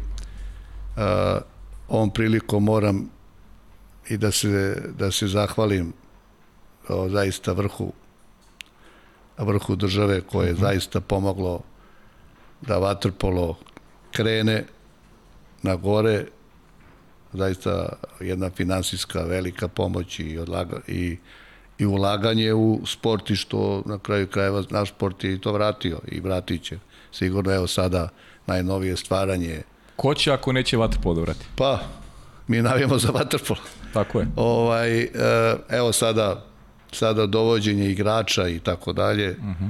ovaj, vraćanje naših reprezentativaca što treba da budu ponovo idoli našim mladim igračima i magnet, što smo rekli za upis novih tečaka i novih šampiona. Ima tu dosta toga što mi treba da pričamo, ali najvažnije ono što mislim, sad ne znam, ajde, da li je to tema ili nije tema, a to je vezano za ono što smo rekli za grad Beograd. Uh mhm. -huh. Smo rekli tri... Tri kluba. Tri velika kluba. Tri velika šampiona. Da grad Beograd mora da ima. Pa evo, nazire se sad. Ovaj, da bi to moglo da Pa dobro, to, da, da, to se nazire. Ali hoću da kažem sledeće, a to je da ako imamo vremena, mislim. Ajde, može, može, naravno. Ovaj, e, a to je, kako se zove, e, da usporedimo Zagreb i Beograd. To je neodporedivo, tako, slaž, mi složit ćete. Ipak smo mi za njih vasiona. Uh mhm. -huh. Oni su odvajali za znači grad Zagreb je davao uh, milion eura uh, vaterpolo klubu mladost godišnje. Uh mhm. -huh. I grad Zagreb je plaćao sve trenere svih sportova na mlađih kategorija u gradu Zagrebu. Sa, sa prosječnom platom o države o kojoj oni imaju plus ako se ti dogovoriš sa klubom za još neki novčanu nadoknadu, to je stvar, stvar trenera. E sada, sad kad mi uporedimo grad Beograd sa našim sa našim mogućnostima mislim da da mi možemo da, da kažemo milion eura za jedan klub Što se tiče grada Beograda, mislim da je to kap u moru. Mm -hmm.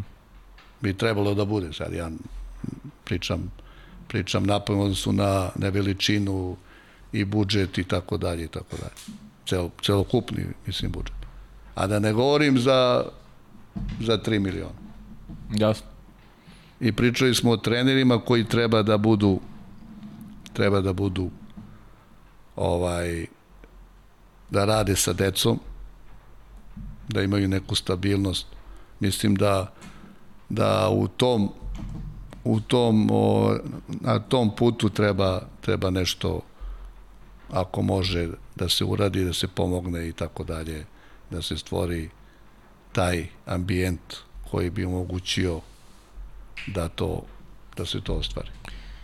Nadam se da slušaju, u stvari znam da slušaju i oni koji se pitaju ovaj podcast, tako da eto neka ova poruka ovaj, otišla u etar, pa nadam se da će da izazove prave reakcije. Mi smo ovde u službi Vatrpola i želimo Vatrpolu da bude stabilan. Nazire se stabilnost, ja se nadam da ovo neće biti samo incident kada pričamo o sledećoj godini, nego da će ovo biti nešto što se zove trajno stanje i da će klubovi imati sredstava da da se ovako budžetiraju na pravi način, da se momci iz inostranstva vraćaju i da u, u ostalom baza, baza represivna se gradi u klubovima. I nadam se da će to onako postati jedan standard i da ćemo uživati u narednih desetak, 15, 20 godina da će Bog da, da bude sve kako treba. Pa jeste, ovaj, ovo ste tačno rekli, a to je da igrači se selektiraju u klubovima. A mi u, da kažemo, koji smo radili ili koji radimo u reprezentaciji u, sa nacionalnim selekcijama, mi samo odaberemo. I to je, to je suština ovo je svega. E sad, kako se radi i tako dalje, to sad ima mnogo toga. To ćemo, dru, to ćemo drugi put. To ćemo drugi put da pričamo. Kole, hvala puno. Hvala. Uh, sad ćemo za, za kratko samo da napravimo jedan, jedan rez. Ja se odjavljujem, a na mom mestu mnogo prijatnije lice od mog, tako da opustite se i uživajte u nastavku emisije. Evo, dobar dan zvanično i od mene. Moje ime je Sara Radović. Drago mi je što sam deo ovog, podcasta i nadam se da ćete uživati kao što ste i sa e, Pavlom. Pre svega bih mu se mnogo zahvalila za ukazano poverenje i nadam se da ću ga opravdati. Evo, ova emisija je nekako drugačija od samog starta i drago mi je što ste upravo vi, eto, nekako moj prvi gost, definitivno, jer sam prvi put u, u ovoj emisiji. Ono što bih ja prvo vas pitala, proći ćemo i kroz pitanja gledalaca, proći ćemo i kroz neka moja pitanja kojih se Pavle nije dotakao, s obzirom da ste i sami rekli da je negde red, radi, disciplina osnova svega i da jeste stroga, strog trener, ali opet sa druge strane da se dosta toga promenilo i da negde pristup deci je mnogo drugačiji nego što je bio ranije. E pa sad mene zanima na koji način vi uspostavljate tu disciplinu u klubu kada možda ona nije na nekom zavidnom nivou?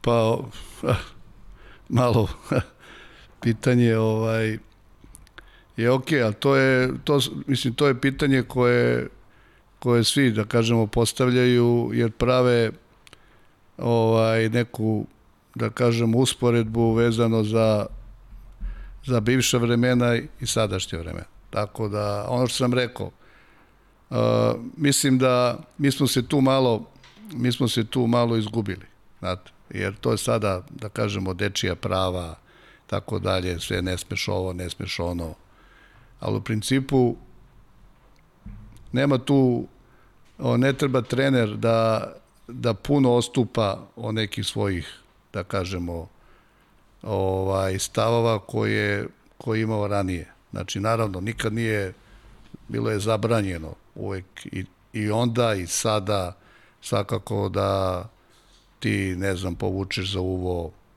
ne da Bože udariš dete i tako dalje. I ono vreme Ni ono vreme nije bilo dozvoljeno, a kamali sada. Ali ima načina, ima načina, mi se, mi uvek, e, da kažemo, današnje generacije, mislim koja je razlika, današnje generacije hoće da dobiju sve, ali bez rada. A dok su ove bivše generacije mlađe, sve htele ovaj, sa, sa velikim radom htele su da, da osvoje sve. E, to je, to je sad radi. E, sad treba tu da današnju decu usmeriti da ne može da dobiješ sve, a da ne radiš ništa. Sad moraš, znači moraš da radiš da bi jednog dana to to, o, to uspe. Sad mi nalazimo načine kroz, ne znam, sklekove, ako ne sluša ponavljanja raznih vežbi, mislim po sto puta ako nije uradio dobro i tako dalje, da ga nateramo da shvati da samo, samo radom dete može da, da uzme ono što, što želi. Sad ću preskočiti e, moje neka pitanja zato što mi se trenutno ovo e, nadovezuje. Vuk Fuksanović kaže koji je najgoru kaznu dao i da li se seća kada nas je u Brenovcu na kampu terao da krećemo zid? Da li je to tačno i kako je uopšte došlo do toga? Ah, koja je najgora kazna? Pa ne, naj, mislim, naj, sad, pa evo da kaže, ne mogu se setim da li sam to dalje, mislim, sigurno da je bilo čim pita, ali, ali o, da, za krečenje zida sigurno da su nešto da su nešto uradili što nije trebalo, što nije trebalo da se isprlja, e onda možda ga vratiš u pređašnje stanje. Sad kako ćeš da uradiš, to je bilo na njima. Ovaj, jednostavno, eto, to su ti, da kažemo, nestašluci koje... A najgora kazna je bila kad sam zbog nedoličnog ponašanja jedno, de, e, jedno momka vratio sa, sa kampa Vatrpola Saveza Srbije kući. A gde ste bili na kampu? To je bio u Kruševcu kamp Vatrpola Saveza Srbije, gde su, gde su kao bila talentovna deca i svih klubova Srbije i zbog njegovog, sad zbog emisije nije primjereno, nedoličnog ponašanja, sam morao da ga vratim kući, tada nisu bili mobilni telefoni, tada sam nazvao šefa u Partizanu, Ratka Rudića, ispričao mu detalj, samo je rekao, složio se sa mojim predlogom da ga vratim kući, samo prethodno obavestiti roditelja da ga sačekaju na autobuskoj stanici i da se roditelji zajedno sa njim jave njemu. Eto, to je, da kažemo, da kažemo, bila neka najgora kazna što može se desiti za igrača, to je da ga vratiš kući sa priprema. A da li bi to danas bilo moguće? Ili, Pa, ili su se ipak stvari dosta promenile u odnosu na tada? pa zavisi, pa, da, danas ne bi bilo moguće, ali zavisi od trenera. U mom slučaju da. Znači, znači ostali ste ipak dosledni negde tim? Pa ne, mora, jednostavno mora da, da se zna neka pravila u sportu. Mi smo, mi jesmo treneri, ali mi nismo zaduženi samo da naučimo dete da igra vaterpol. Mi smo zaduženi da dete vaspitavamo. Mi smo vaspitači. E sad, ne možemo da trpimo neke stvari koje sport ne dopušta. Mi možemo da trpimo nestašluke, da kažemo viceve, snalaženje i tako dalje. To sve spada u, u krajnju ocenu od deteta da li će da prođe ili neće. Sve to, sve to utiče. Prema tome, ali nešto što prelazi, da kažemo, granicu lepog ponašanja, to, to je nedopustivo. E sad, pitanje da li postoji neki klub u kom niste bili trener, a da, da vam je to negde ostalo, eto, da želite ili možda ćete biti? Pa, Pa nije, mislim, nije. Ovaj, jednostavno nisam, nisam, sad ste zatekli s pitanjem, nisam, ovaj, nisam razmišljao na, na tu temu, ali uglavnom sam, da kažem, bio trener u dosta, u dosta klubova i trener prve ekipe, ali eto, jednostavno uh, možda bi bilo lepo da ja jesam partizanovac, ali pošto sam počeo u Crvenoj zvezdi i bio kapiten Crvene zvezde kao igrač, da, Da završite to. da završim tamo kao trener prvog tima Crvene zvezde. Znači, to nigde nije slučaj samo sa igračima da se vraćaju u matične klubove, nego je Pa, tako i sa da trenerima. kažemo matični klub, u stvari, stvari moj matični klub je Bokil iz Baušića. Pa sam tada Da. da. došao, ali Da. da. da kažemo Crvena zvezda, da. Da li postoji nešto što biste promenili? Bilo šta, da li je to neka odluka ili da ste možda nešto trebali da prihvatite, a niste? Pa nema, mislim, nešto promeniti, sigurno da se, se sve zavisi od, mislim, konkretno što se radi, ali što se tiče odluke, sigurno da bi, znaš, uvek čovjek se preispitava da li je dobro uradio, nije dobro uradio, ali ovaj, vraćati se na nešto što je bilo ovaj, bilo je prema tome sigurno da ne bude tako kako jeste. E, volim da se dotaknem te teme Partizana zato što nekako jesmo svedoci tih nekih uspona i padova samog kluba, pa sad koje je vaše predviđanje? Šta će se dalje dešavati sa, sa Waterpolo klubom Partizan? Pa dobro, Partizan je institucija, samo ime govori sve, sedam puta prvak Evrope, hiljadu asova, što igračkih, što trenerskih, lokomotiva jugoslovenskog srpskog vaterpola. Šta će se desiti? Mislim, vidim da Partizan polako nije o jednom period bio to što jeste. Sada polako vidim da ovaj pokušava da se vrati na stare staze. Pa znate kako, zdrava konkurencija uvek je dobrodošla. Mislim da svi mi koji razmišljamo o jednoj sportskoj ovaj konkurenciji, zdravoj konkurenciji, da nam je dobro došao Partizan. Da nas, pot, da nas tera da još više i bolje radimo da bi ga, da bi ga pobedili. Tako da o, navijamo da, da Partizan krene, da se vrati na ono, kao što je nekad bio u celom tom njegovom segmentu, ne samo pojedinačno, pa da svi mi ostali koji želimo da budemo bolji od njega, da se, da se više i bolje trudimo. Vraćamo se opet na, na pitanja sa Instagrama, stiglo ih je baš mnogo i ja ću se potruditi da, da većinu postavim. Sad pita Kovač 104, najbolji igrač kog je trenirao. Vi ste pomenuli nekoliko imena, da li bi se mogli možda jedno ime da nam kažete, eto. O, šta to? jedno. Pa ništa, evo, da kažemo, ima mnogo, mnogo zaista velikih da kažemo, igrača koje sam trenirao, ajde, počiću, ne mogu jedno, ako može više. Dobro, ajde, et, nek bude tri i eto. pa do, i ko, evo, da kažemo, i Kodinović, Šapić, Ćirić, eto. Eto. E, ali ima još, ali ima još. Dobro, da se ogradimo, da. E, Leno 7 pita da nam pojasni šta znači njegov trening bela kafa. Pa nije, ne znam, to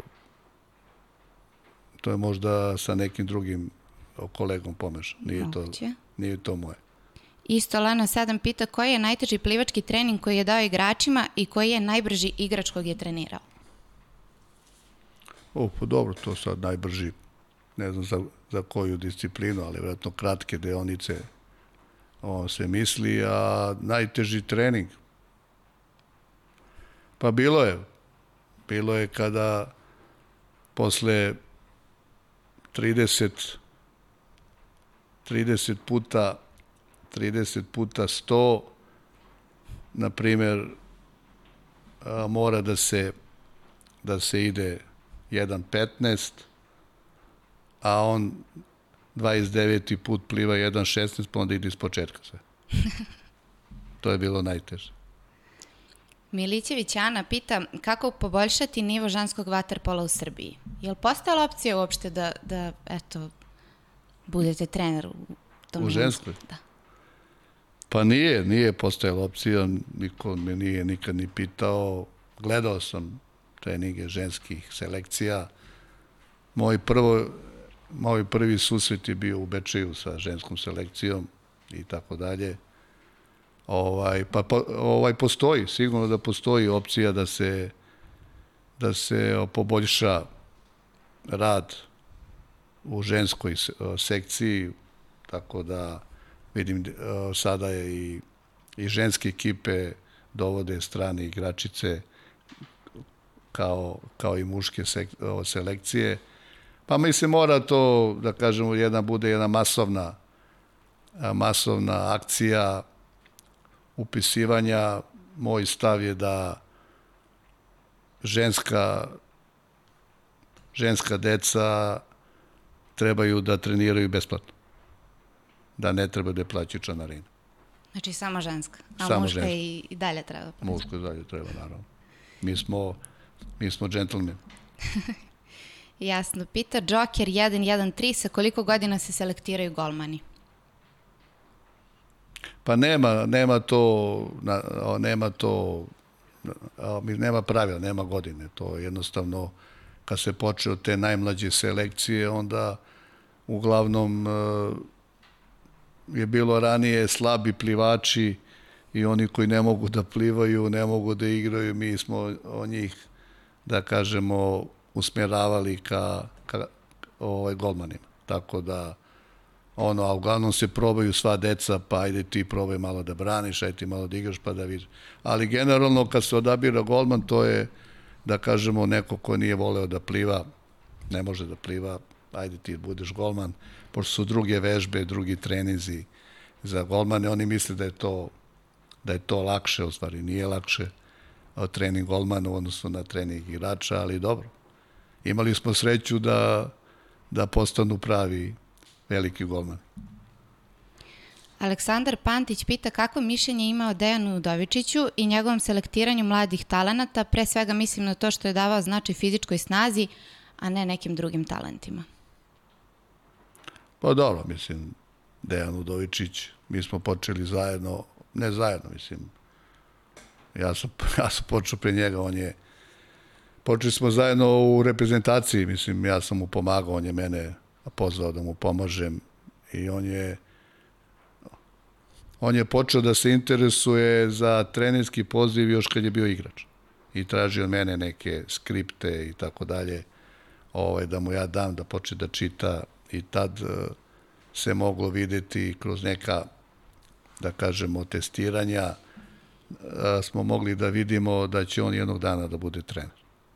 On je već tada davao znake da, da ima afiniteta kao trener. A što se tiče selekcije, pa sama, sami, da kažemo, sami rezultati njegovog rada o, govore kako je on selektirao igrača. Sandi Mertel pita kako znate kod igrača da će biti pravi, odnosno na šta najviše obraćate pažnju. Pa, kako da kažem, to se, ovaj, to se vidi po nekim, da kažemo, ajde, svako ima nešto svoje, ali ja, ja to vidim po nekim detaljima koje dete, dete pokaže za vreme treninga, za vreme utakmice i tako dalje, odmah se vidi koje dete odskače, koje dete ne odskače i može da, da uđe u, u obzir za, za, tu, za tu selekciju, a kasnije kroz još veći rad onda se to se pokaže na pravi način. Šta je to potrebno da se promeni u juniorskim selekcijama? Ipak bili ste doduše samo u Italiji, ali opet ste sigurno sam upućeni u to na koji način oni u drugim državama funkcionišu, pa možda na koju državu bismo mogli da se ugledamo u tom nekom smislu kada su u pitanju baš juniorske selekcije? Mm -hmm. Pa ne treba mi da se ugledamo na nikog, mislim. Ja jednostavno, kad pogledamo druge države, kad pogledamo druge države i našu državu, mi ne možemo se porediti. Ostali imaju po 30-40 miliona stanovnika, nas ima 7 miliona. Mi treba da se vratimo, mi treba da se vratimo našim korenima koji su naši učitelji ovaj postavili. I da mi se vratimo kako smo mi nekada radili, da mi da mi danas radimo. Mi smo danas e, suzili odnosno snizili ovaj nivo ovaj znanja. E to je to je najveći problem. Znači mi smo se prilagodili ovaj današnjoj situaciji, današnjoj omladini koje smo rekao da bez rada hoće sve da postignu. Ne, mi mi mora se vratimo na jedan nivo kriterijum koji je bio, ispod tog kriterijuma ne možemo da idemo. To vam je kao, kao kada bi vi sad upisali, o, upišete, da kažemo, hoćete upišete Cambridge i vi polažete test i vi sad imate tamo treba da ima, ne znam, 190 bodova, sad karikiram, a vi imate 70. I vi hoćete da upišete Cambridge. Pa kaže, pa eto, ja sam tu. Pa ne, pa ne može. Znači, mora se postavi jasno da se vratimo u nivou koji smo mi tada tražili, šta mora sve mladi igrač da ostvari kroz trenažni proces da bi mogao da uđe u selekcije, a ono što smo rekli, nebitan je rezultat, bitan je igrač koji će iz tih selekcija da igra na olimpijadi, na svetskom evropskom prvenstvu i da donese ovaj nama medalju. E, to je bitno. A sve ostalo pa da. je nebitno. To je najbitnije. Slažem se, nekako se čini što dalje podcast odmiče da se sve više tema otvara i sigurna sam da nismo više od pola toga rekli, ali opet i ja ću da vas pitam da li ima nešto što možda vi želite da kažete, a da eto, niste imali prilike evo, za ova više od dva sata.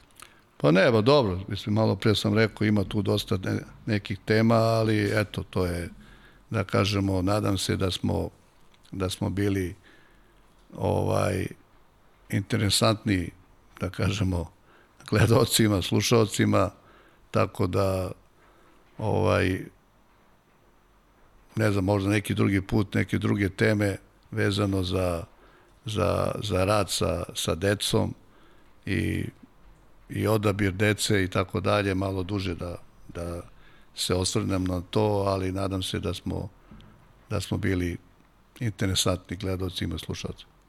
Mi za kraj volimo da eto, se osvrnemo i na porodicu koja je definitivno možda i najveća podrška, pa eto je li vama bila i, i na početku i sada koliko vam je to zapravo značajno?